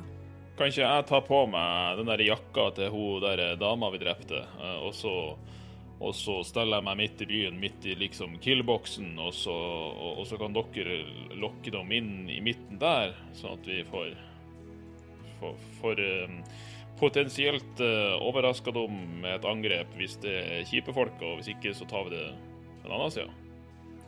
Så OK, men da later vi som at vi fremdeles er kultister og tar dem imot med åpne armer, lokker dem inn i killboksen, og så Pipio. Ja. Ja, potensielt. Okay. For da får vi raskt tatt rotta på dem hvis de er kjipe. Men kan ikke jeg og Truls gå ut til porten? Eh, skal vi lukke porten bak oss, Truls? Eller skal vi la den være åpen? Hvis vi uansett skal late som at vi er kultister og få dem inn til sentrum før vi avslører at vi er fiendene deres, så burde jo porten stå åpen. Ja, jeg er egentlig enig. Hva skal vi Um, si når vi avslører at vi er fiendene deres? Vi må avtale om en artig catchphrase. oi, Trollskalletriloen! Til trioen. Det, var, det, det ble med en L der. Team uh, eh, eh, Team Asmodius blir blåst av sted igjen! Bing! Forhåpentligvis. Eh, Nei, vi sier det var oss hele tiden. Ha-ha. Nei. Skal vi gå til døren? Eh, ja, skal vi da heller enn å være Mathien og Truls, som for sikkerhets skyld, så er vi Jesper og Jonathan. Jeg, jeg Jeg fikk jo bare beundre deres uh, skuespillkunstner sist gang, så jeg kan jo prøve selv. Men jeg vet ikke hvordan det går, da. Du trenger bare å ta på deg et falskt navn og late som Ja. at du er en Asmodius-kultist. Det får men du til. dere hadde så fine stemmer og alt. Men jeg kan Å, jo prøve, da. Det hadde jeg glemt. Mm. Eh, men, eh, men ja, vi trenger jo ikke være brødre. Vi kan bare være Var jeg Kasper eller Jesper?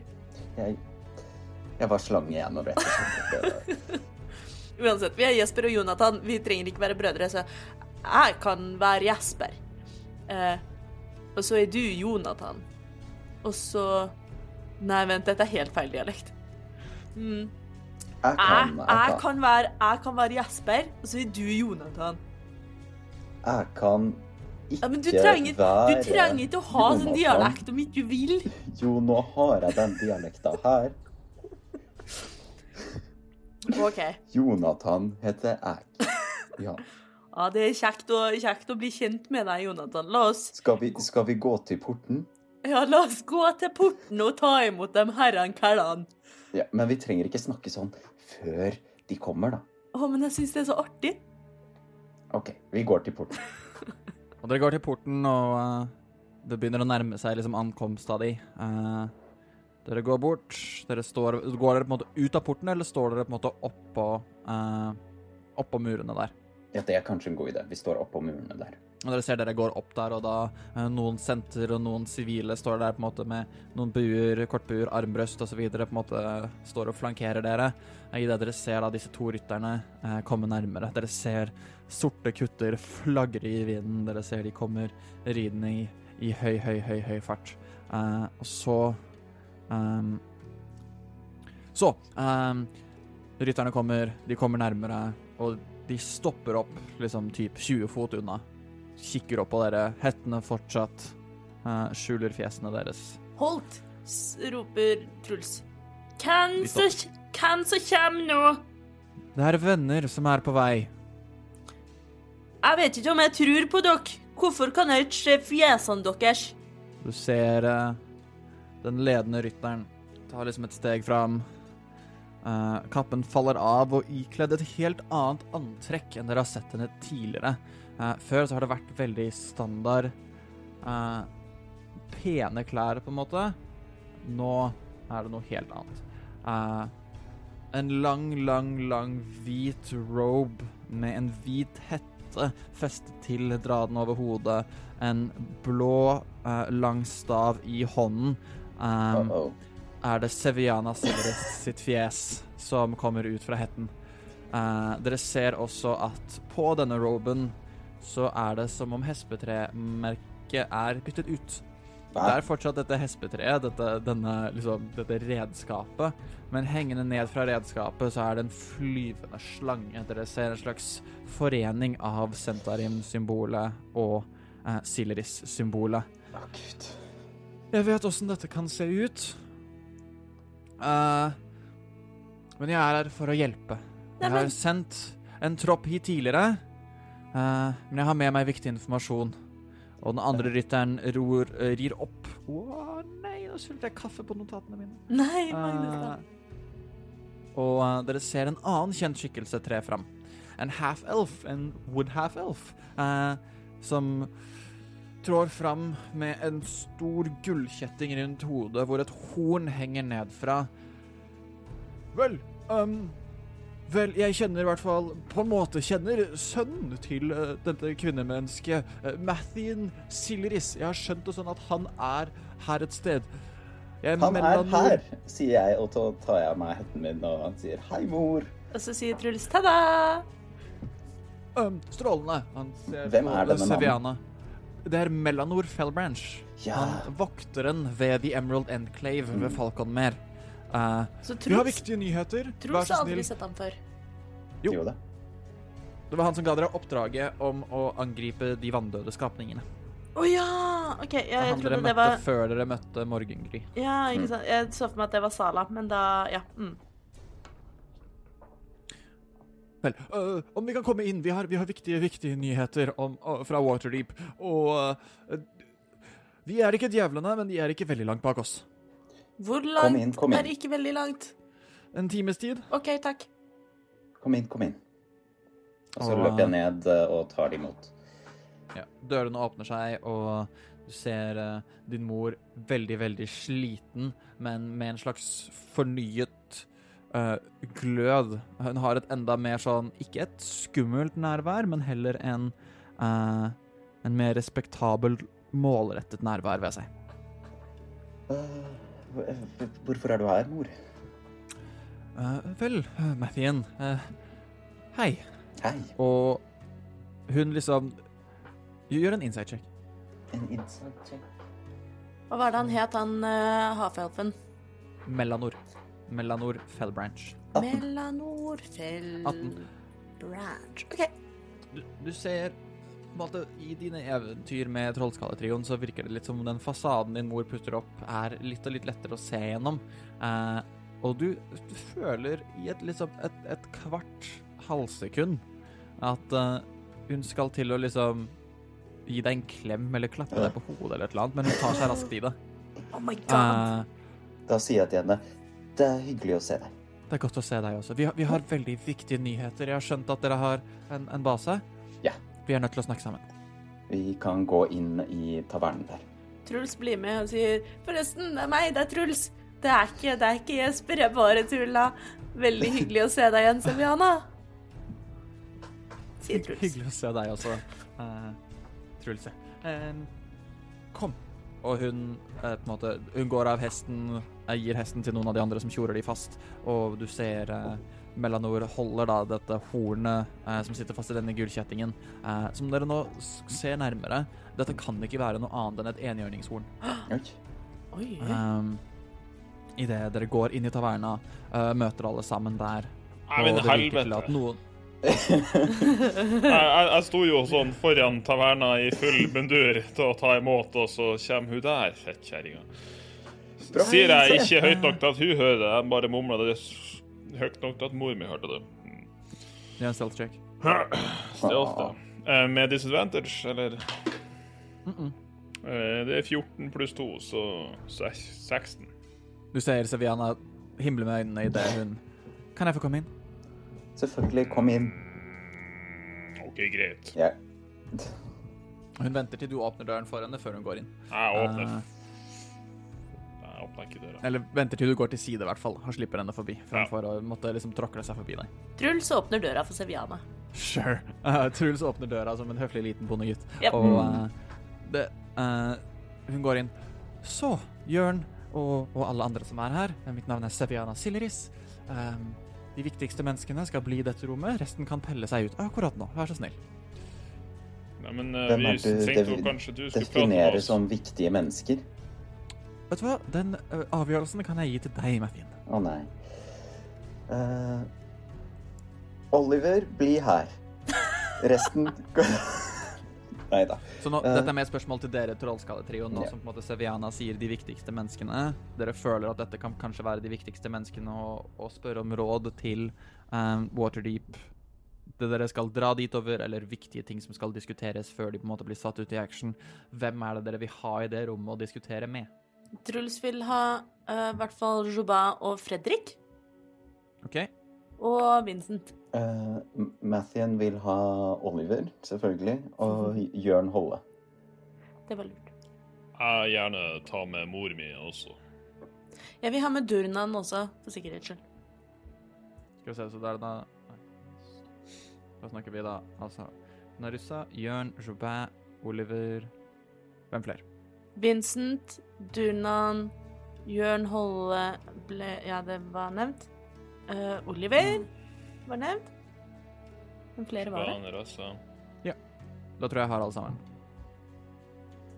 Yes. Da får jeg en sånn der Så eh, karantenetime. Og så vil vi ha med han uh, Mellanor også, Ja. så kan uh, Siviana vente utafor. Får jeg en sånn karantenetimen-frykt om fireball og utganger igjen. Men Ja, det sant. skjer ikke flere ganger, kanskje. Jo, og Fredrik skal være med. God idé. Ja, Fredrik. Um, du, du føler litt at Fredrik ble hos de sivile. Han ble Ja, okay, med tilbake til tavernen. Han er mer en sånn Greit, greit. gammel mann Uh, som kanskje er enda svakere enn Kashal. Hvem vet? Jo, jo, men Truls bare respekterer ham av hele sitt hjerte. Det er veldig koselig. Dere samles rundt bordet, um, og Seviana setter seg ned. OK, folkens. Um, jeg har viktige nyheter. Viktige ting som skal diskuteres. Først og fremst, det er en time til en uh, bitte liten hærskare av djevler uh, kommer hit. Ser dere har gjort en god oppgave i å skape et type forsvar. Strategien for det skjønner jeg også er, der på plass. Litt sånn som dere møtte meg, at uh, i hvert fall i kultistklær og så videre. Um, får håpe at det fungerer. Jeg har nyheter fra Waterdeep. Ja.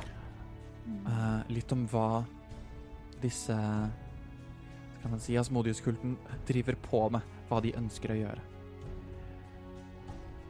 Det er rykter om at Armadalek sitt hovedmål ikke er å bringe de andre demigudene tilbake.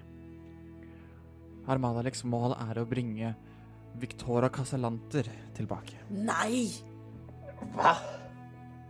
Vi har skjønt det slik av uheldigvis våre spioner, som ikke er her lenger i dag, at uh, det ritualet som ble forsøkt gjennomført i Skroharg for uh, et par uker tilbake, da ble stoppet av dere midlertidig, var et suksessfullt utført ritual. Eh, en såkalt demonsglitch, uten at jeg vet hva det er, har nå blitt eksisterer i multiverset og driver og prøver å hentes tilbake igjen. Heldigvis så ble han skadet med guddommelig kraft eh, av, et, av en så sterk eh, person som Broch. Så det kommer til å være vanskelig for dem. Måten de prøver å gjøre det lettere på, er å fjerne guddommeligheter fra Waterdeep. Det var så vidt vi klarte å, redde Jerith. Og hun ser ned mot enhjørningshornet som uh, Melanor bærer rundt halsen. Uh, Pelors templer Månevevernes templer, de faller én etter én. Det er ingen igjen til å forsvare de. Og uh, troen på kulten og overbevisningen i byen er ekstrem. Oh. Dette er ikke en kamp vi vinner rett mot de. Dette er ikke en kamp hvor våre tropper, som i store og det hele befinner seg nå fanget i Skroharg, her i Alvær og på andre siden av beltet. Um, vi prøver å mønstre noen fra Neverwinter og, og, og solnedgang, men de virker mer interessert i å beskytte sin egen bystat, framfor å hjelpe en annen. Men jeg vet at Waterdeep er hjemmet til veldig mange, og jeg ønsker ikke at Waterdeep skal falle. Og man trenger ikke være et geni for å forstå at de neste står for tur, og man kan utsette invasjonen, men man kan aldri stoppe den. Jeg ser det eneste Skal man si den mest sannsynlige måten å vinne på, er å komme seg inn i byen og overvinne Armadalek. Få han isolert før det går videre. For er det én ting vi vet om kulter og om djevler, er at om det er et maktvakuum, så er det mer sannsynlig at alt faller på sitt eget fundament, framfor at noen plutselig tar over og de fortsetter videre. Men vi har en tidsfrist her, fordi at om en, en magisk skapning som den da gjenfødte Victoria Casalanter returnerer, så har ikke engang jeg noen peiling på hvor det stopper. Det er informasjonen jeg har. Har dere noen ideer? Hun lener seg litt tilbake, tørker svetten av pannen. Um, og uh, kikker rundt på dere. Uh, spørsmål. Uh, ja, det kan være du ikke vet det, men hvilken interesse har Armadalek av å få Victoro Casalanter tilbake? Hva kan han utrette? Det vi vet, er at når en trollmann, eller en heks, eller hva man skal kalle det, tar sin grådighet og nysgjerrighet blir for stor, og de velger å gjøre seg selv udødelige og bli litcher, så Unnskyld. Så er det veldig mange skader en sånn kan utføre. En demonsken har aldri vært prøvd og skapt. Dette er noe nytt, dette er en ny makt. Dette er mer makt.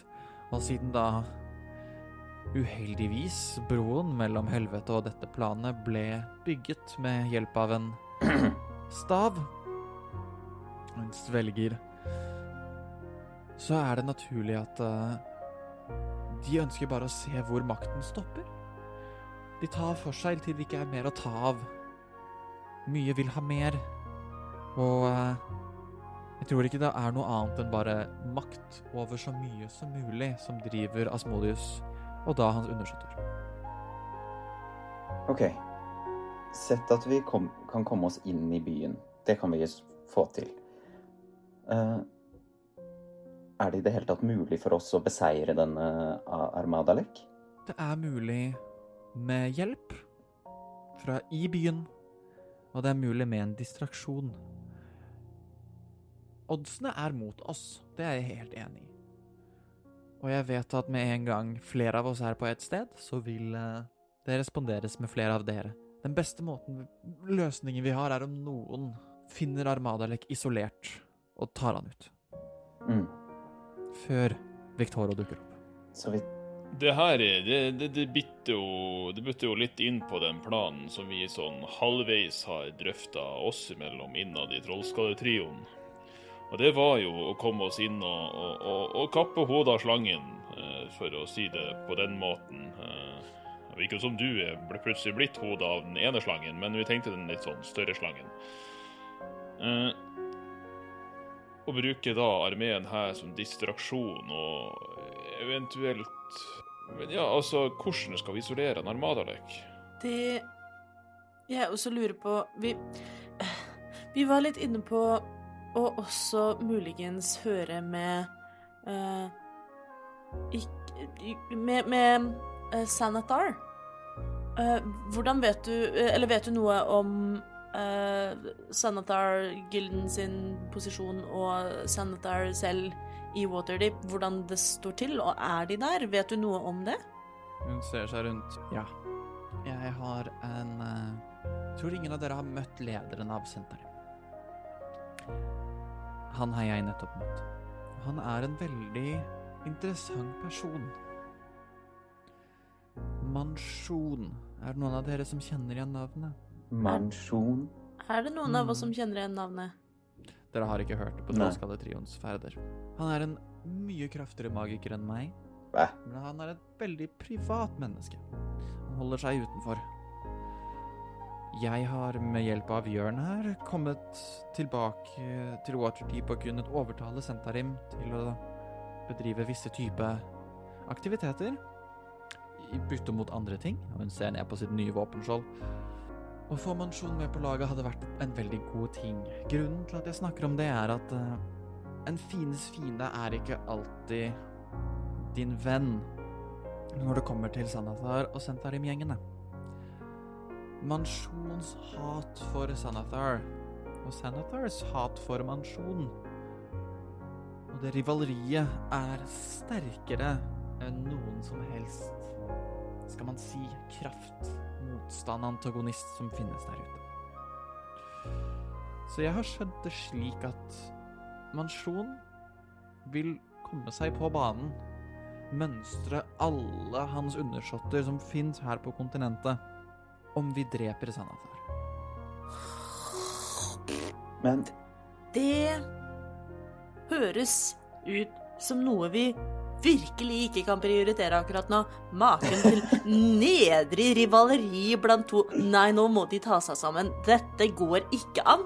Dette vil jeg ikke høre noe om. Jeg vil veldig gjerne møte disse to i ett og samme rom og ta en alvorsprat med begge to. Dette Altså, det går ikke an å holde på sånn. Det er en djevelsk invasjon her, sånn. Vi må prioritere annerledes. Herlighet.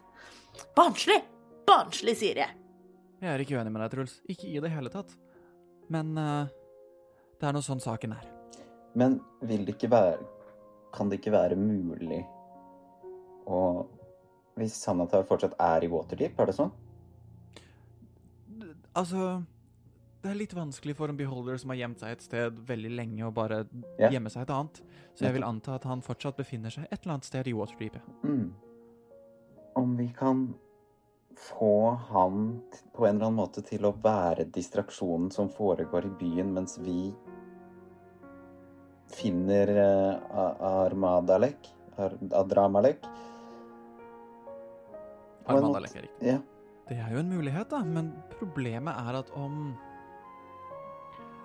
Om noen finner ut at dere står i ledtog med Sanathar Hun ser bort på Jørn, som sitter der og knuger hendene sine til knokene blir hvite. Så vet jeg ikke om Sentarim kommer til å støtte oss lenger. Men det trenger jo ikke være at vi står i ledtog. Det blir egentlig mer at vi bare bruker Sanathar til å lage et helvetes leven i Waterdeep. På dette tidspunktet så slår Jørn i bordet. Neimen, herregud, da. Jeg, jeg, jeg mener, altså, du kan være så triksig du vil, men hvor mange av mine brødre og søstre og venner som han Sanathar står ansvarlig for livet til? Altså, om jeg ser han, om jeg får lukte han, så skal jeg drepe han og spise han. Altså nå, Jørn, nå må du ta deg sammen. Du vil ikke ha en eneste søster eller bror igjen å sørge over hvis disse djevlene får lov til å gjøre akkurat som de vil. Her må, altså Du må se på det store bildet. Ting er Det står i virkelig fare her, sånn. Og jeg skjønner, jeg skjønner at du er sur på, på Sanatar. Det er vi alle sammen. Han er jo tross alt eh, en, en beholder. Det er liksom ikke helt prima. Men det er ikke problemet akkurat nå. Verden står på undergangens rand. Få perspektiv, mann! Eller kvinne, alt ettersom. Han går opp mot deg sånn Vet ikke helt en analogi som passer for deg. Men han Broch Han ser ikke på Broch engang, bare fortsetter å stirre på deg, Truls. Tenk om du hadde bedt han Broch om å tenke Vet du hva, jeg har et problem. Verden kan gå unna, bla, bla, bla. Jeg skal gå og prate med han Kasalanter. Og bare la han være en distraksjon og gi han muligheten til å forsvinne. Bare sånn fordi det passer best for oss, for man ser på det store bildet. Det, kan, det er litt vanskelig å gi slipp på noen uretter som har blitt gjort mot deg. Hvis vi overlever denne invasjonen, så kan du drepe Sanatar i morgen. Så mye du vil. Så mye du vil. Det skal ikke stoppe deg i det hele tatt. Men altså La oss overleve invasjonen først. Jeg tror det han Jørn prøver å si, er at uh, han er redd for at et uh, bruket vi tar til han Senatar, eventuelt vil gi Senatar et, eh, et fothold, slik at han ikke får ta den hevnen som han vil i fremtiden.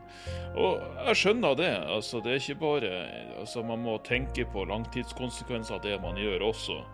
Men jeg er også veldig enig med Truls her. altså det er og én ting vi må prioritere, og det er å få tatt han han Armadalek. Så hvis vi ikke skal samarbeide med en senatar, da, Jørn Kan dere stå for en god distraksjon her utefra og i byen, slik at vi i trioen kan ta sjølve oppgjøret med Armadalek? Og igjen så er det Seviana som bryter inn. Sånn som jeg har forstått det, så kan Mansjon stå for den distraksjonen om dere dreper Sanatar. Ikke sant. Så det er der vi er. Vi har ikke tid til å drive og jakte etter en, en Beholder. beholder som har gjemt seg i skjul i Waterdeep i alle år. Hva er dette for slags skrudd prioritering? Egoistisk er det. Det er jo enklest Det er en å tydelig Unnskyld meg, Thien. Du kan få gå. Tusen takk. Eh, Det er jo enklest å bruke Sanatar. Eh, Det kan jo være han dør, for alt vi vet, om han vi får overtalt han til å lage et leven. Bare levende skjer. Jeg, jeg- vet ikke om jeg er helt, eh, helt med på den, for det, altså, vi, vi vet jo egentlig ikke om vi finner han Sanatar, og vi vet jo ikke Han har jo allerede hva det er han vil. Ja, han har sagt 'hei, kom og hjelp', eh, jeg kan hjelpe dere på hjelpe dere. Altså, vi, vi, vi kjenner ikke han, men nå har vi å gjøre noe Altså, mor di på, på laget her, så vi har jo en større fot på Senator, nei, på Shentarim sin side enn vi har på på Senatar sin side når det kommer til hvem som kan Men vi får jo fortsatt beskjed om at lederen for Sentarim kun vil at Sentarim skal hjelpe oss hvis vi dreper Sanatar for ham, og det har vi ikke tid til.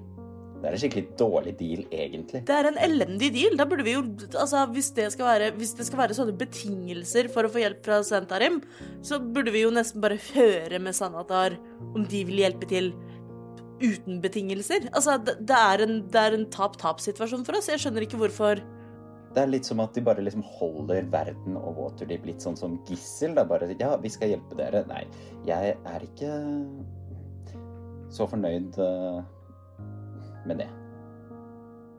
Eh, Jeg er helt enig, men altså rent på tidsaspektet så vil det ta oss lengre tid å oppsøke en senator, finne ut om han vil hjelpe oss, og få han til å hjelpe oss. Vi må jo uansett oppsøke Eh, og eventuelt få vite at han ikke vil hjelpe oss. Eh, altså, vi, vi vet jo ikke der engang. Så ja, det å drepe han, det, det vil jo sånn sett være raskere, sjøl om det hele greia er en stor sidespor, virka det som for meg. Men altså, hvis ledelsen av Shentarim nekter å hjelpe oss uten det, så får vi bare ta den vurderinga. Trenger vi hjelpen fra dem i det hele tatt, eller klarer vi oss uten?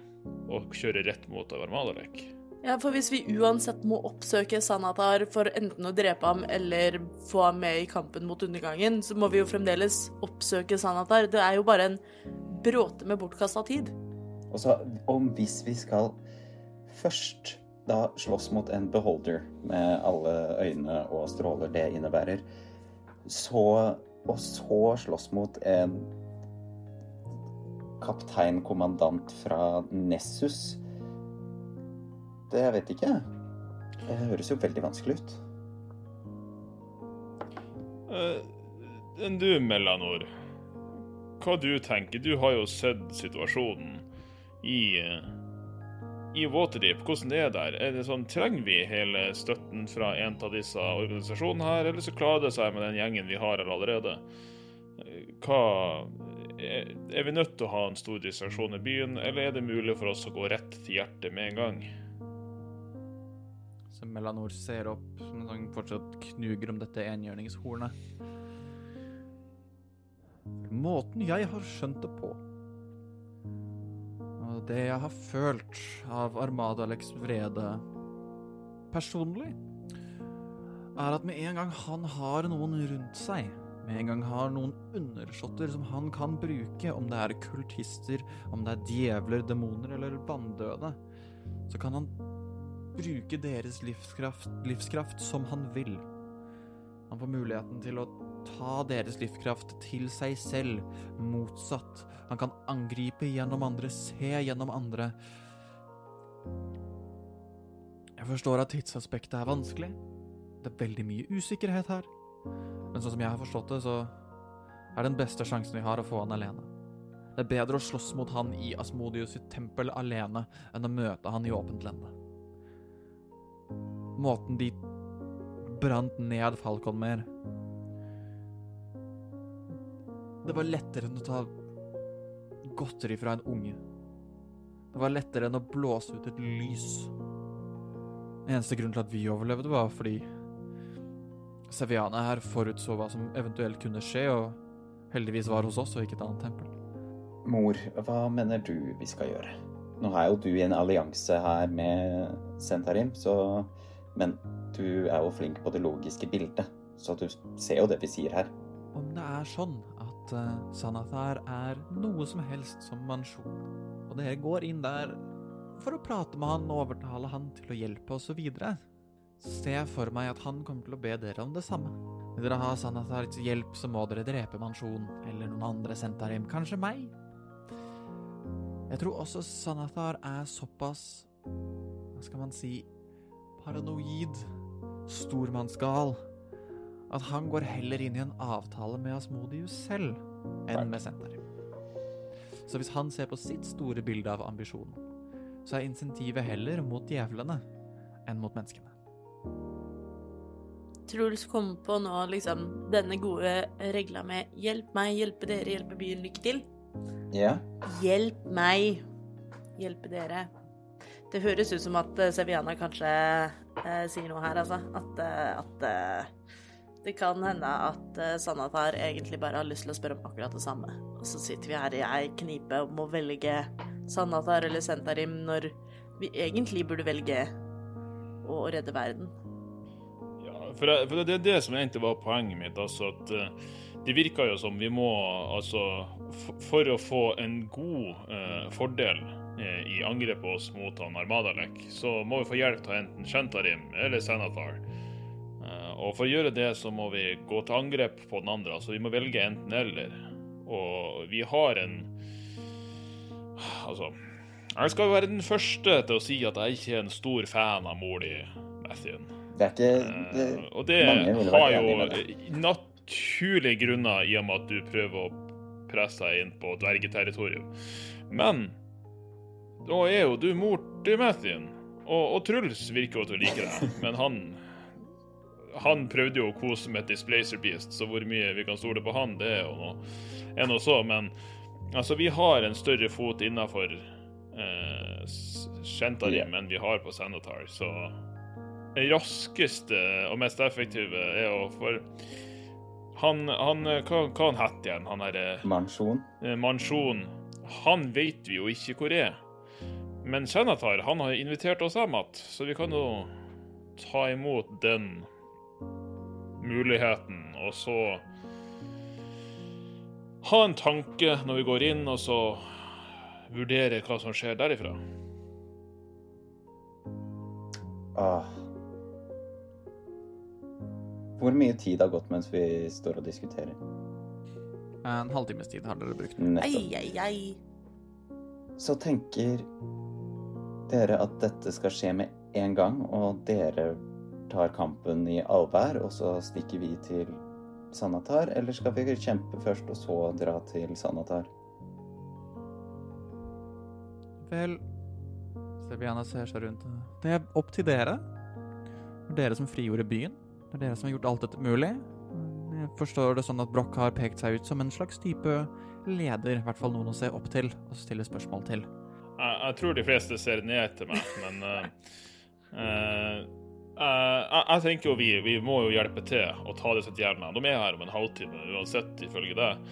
Uh, og, og jeg har ikke lyst til å forlate byen her med mor mi og, og, og far din og, og mor di. Og det var jævla mye foreldre her. Ja, som foreldrekonferasjon. Foreldremøte. Men uh, vi tar disse her, og så gjør vi det vi trenger. Det tar jo litt tid å komme seg til Waterdeep vi kan dra til. Waterdeep nå. Akkurat nå. Jaså? Hvordan da? Eh, Jeg, jeg trenger et tre, og så, et, eh, så kan vi dra til treet i, eh, som jeg har vokst opp ved Trollskallavillaen. Hvis det fortsatt står, så kan vi være der akkurat nå. Wow. OK, Ah. men da burde vi jo fremdeles Vi må jo stå det angrepet her om en halvtime uansett. Ja, det var det som var spørsmålet mitt, da. Og så For jeg foreslår Vi kan jo ikke bare stikke av. Vi må jo hjelpe til her. Eh, og så Men hvis vi da kan dra til Waterdeep umiddelbart etterpå, så er jo det helt prima. Eh, Du Du, Mellanor. Jeg ser du står der med et horn. Ja. Hva skjedde med Sherif? Vel Hennes skal man si nærvær og hennes sinn baserte seg jo på å tilhøre i Falconmer. Um, Falconmer blir ødelagt, så er det ingen mer Jerith. Heldigvis så har vi gjenstander som kan holde mye magi. Mye hellig magi. Og hennes nærvær lever videre til vi får bygd opp på nytt igjen. Jeg vet ikke hvor mye Hvor mye du har fått med deg. Eh, Det virker som du har fått med deg litt av, av kampen vår mot Casalanter i Skroharg.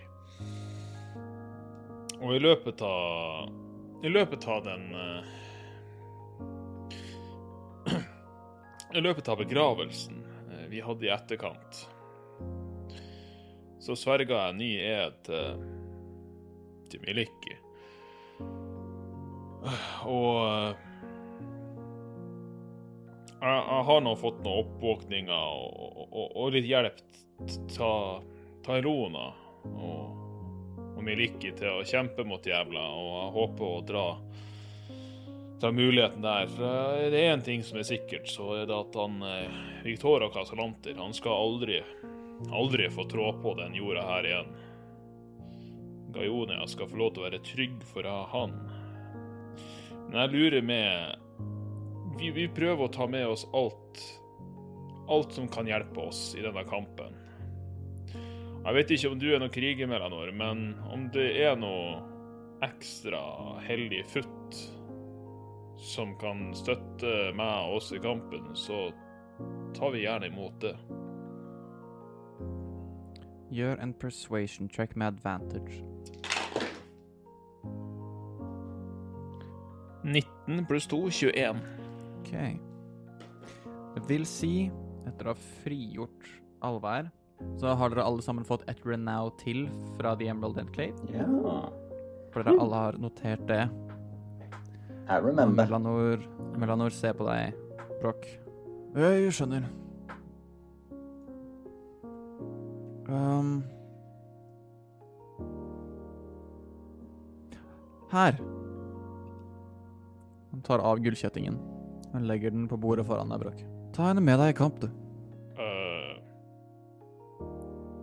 Tar opp gullkjettingen og hekter den rundt meg sjøl, og så kjenner litt på, på det og prøver å sanse om det var noe Gjør en arcana check. nærvær.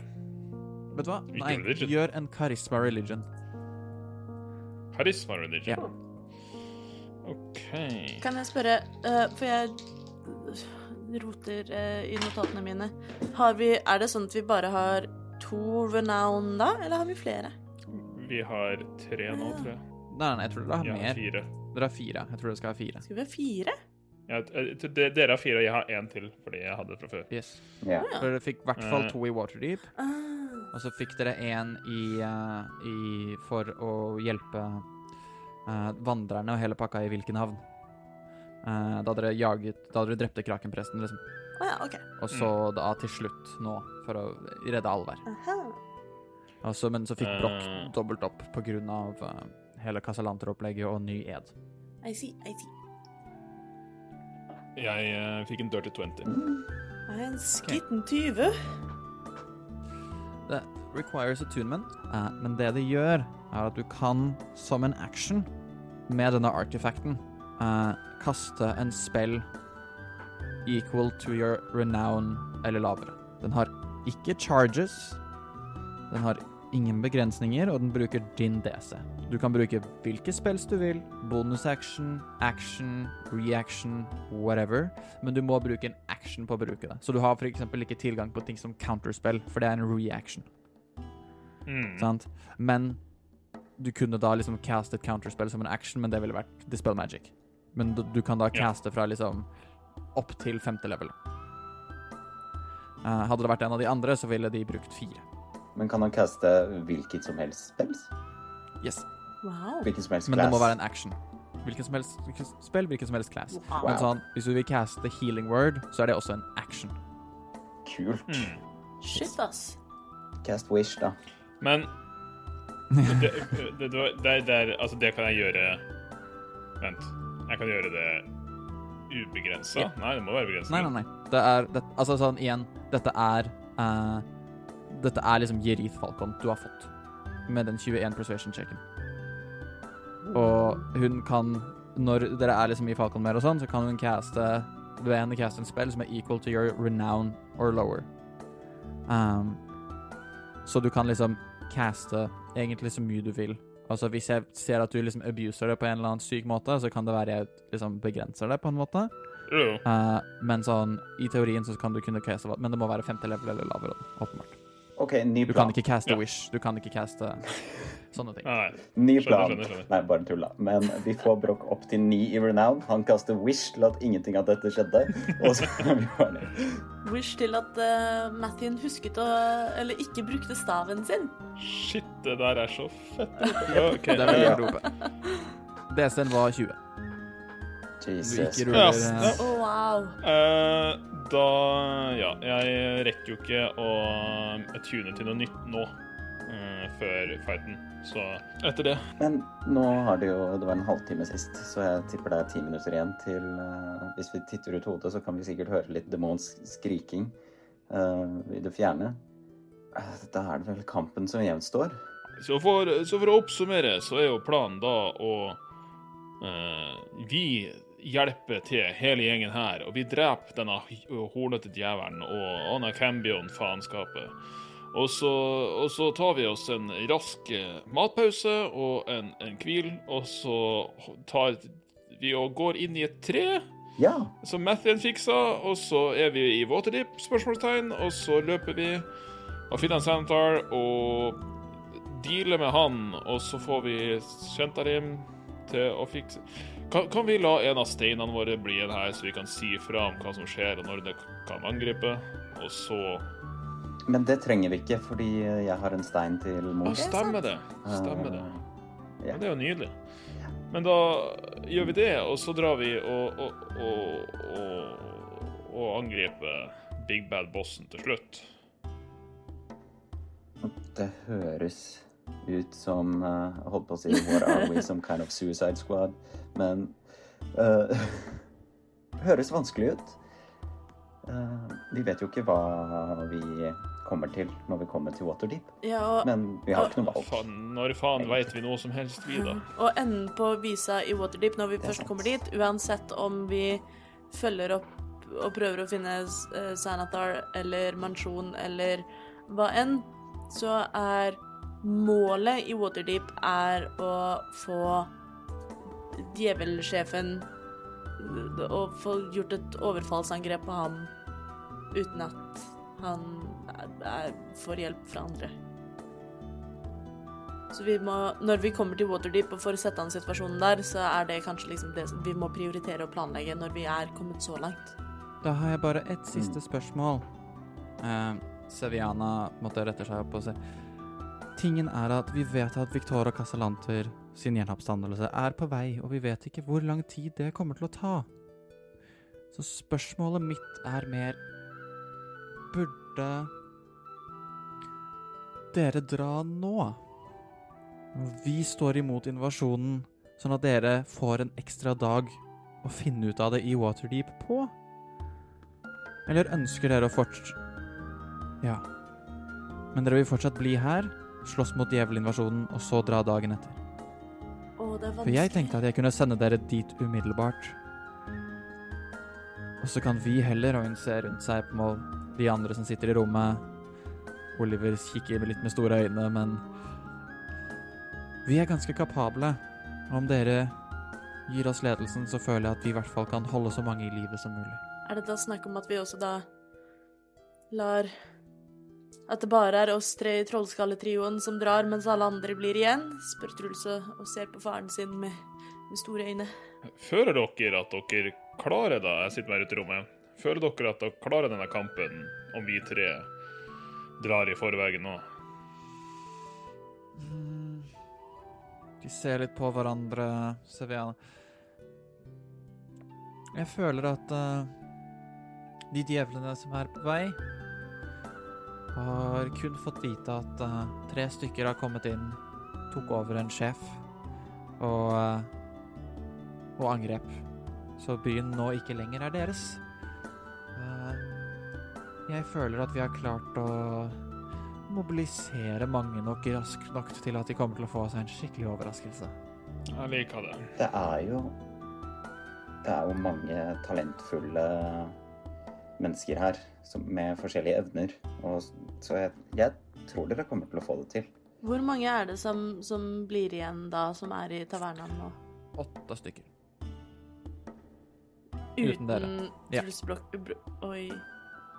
Det mm, Ja, men så er det jo plusser på alle sent, ikke sentarimene utenfor, da. Og resten. Nei, men det er ikke ikke er viktig. Truls skal kaste en spill, OK? Å ja. Dere gjør de så vanskelig. Um, OK.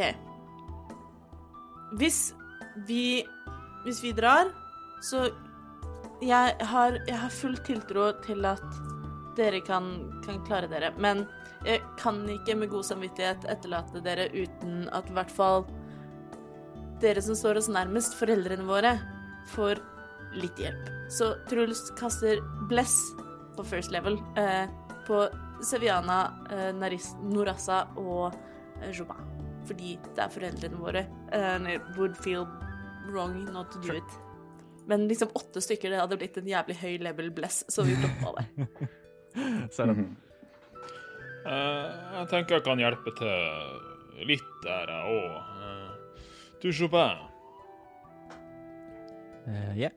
vi er litt like, du og jeg. Sånn i, sånn i kroppen, altså. Jeg tar av meg uh, den uh, dobbeltringen min, min ring of spellstoring, som er stappfull av eh, en third level smite og to second level, first level smites. Gir det til Chopin. Jeg tror eh, det her kommer godt med, og jeg vet jo Jeg har jo sett at du du skjønner deg på denne typen magi. Ah, tusen takk. Han tar den på Dette kan komme veldig godt med. Veldig, veldig godt med. Så hvis du sørger for at mor mi har det greit, så Send dem tilbake til Nessus. Det er ikke så farlig for meg om det går galt med Seviana, men det er kanskje for, eh, kanskje for Matthew. I hvert fall ta vare på mor mi. Alle får det med seg. Eh, ganske greit og fint. Eh, dere sitter i samme rom, men det er litt sånn mer at folk smiler, og de vet at det er, eh, eh, at det er tension mellom familiene og, og klanene osv. Uh, men akkurat nå så er det ikke det som er fokuset. Truls setter seg på huk og vifter til seg Oliver. Oliver kommer bort. Pst, Ja. Oliver. Aha.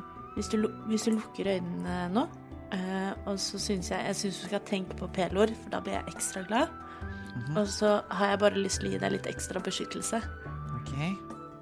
Truls tar på eh, Oliver og kaster Death Word på fourth level. Go. Good. Åh, Oliver shan't die!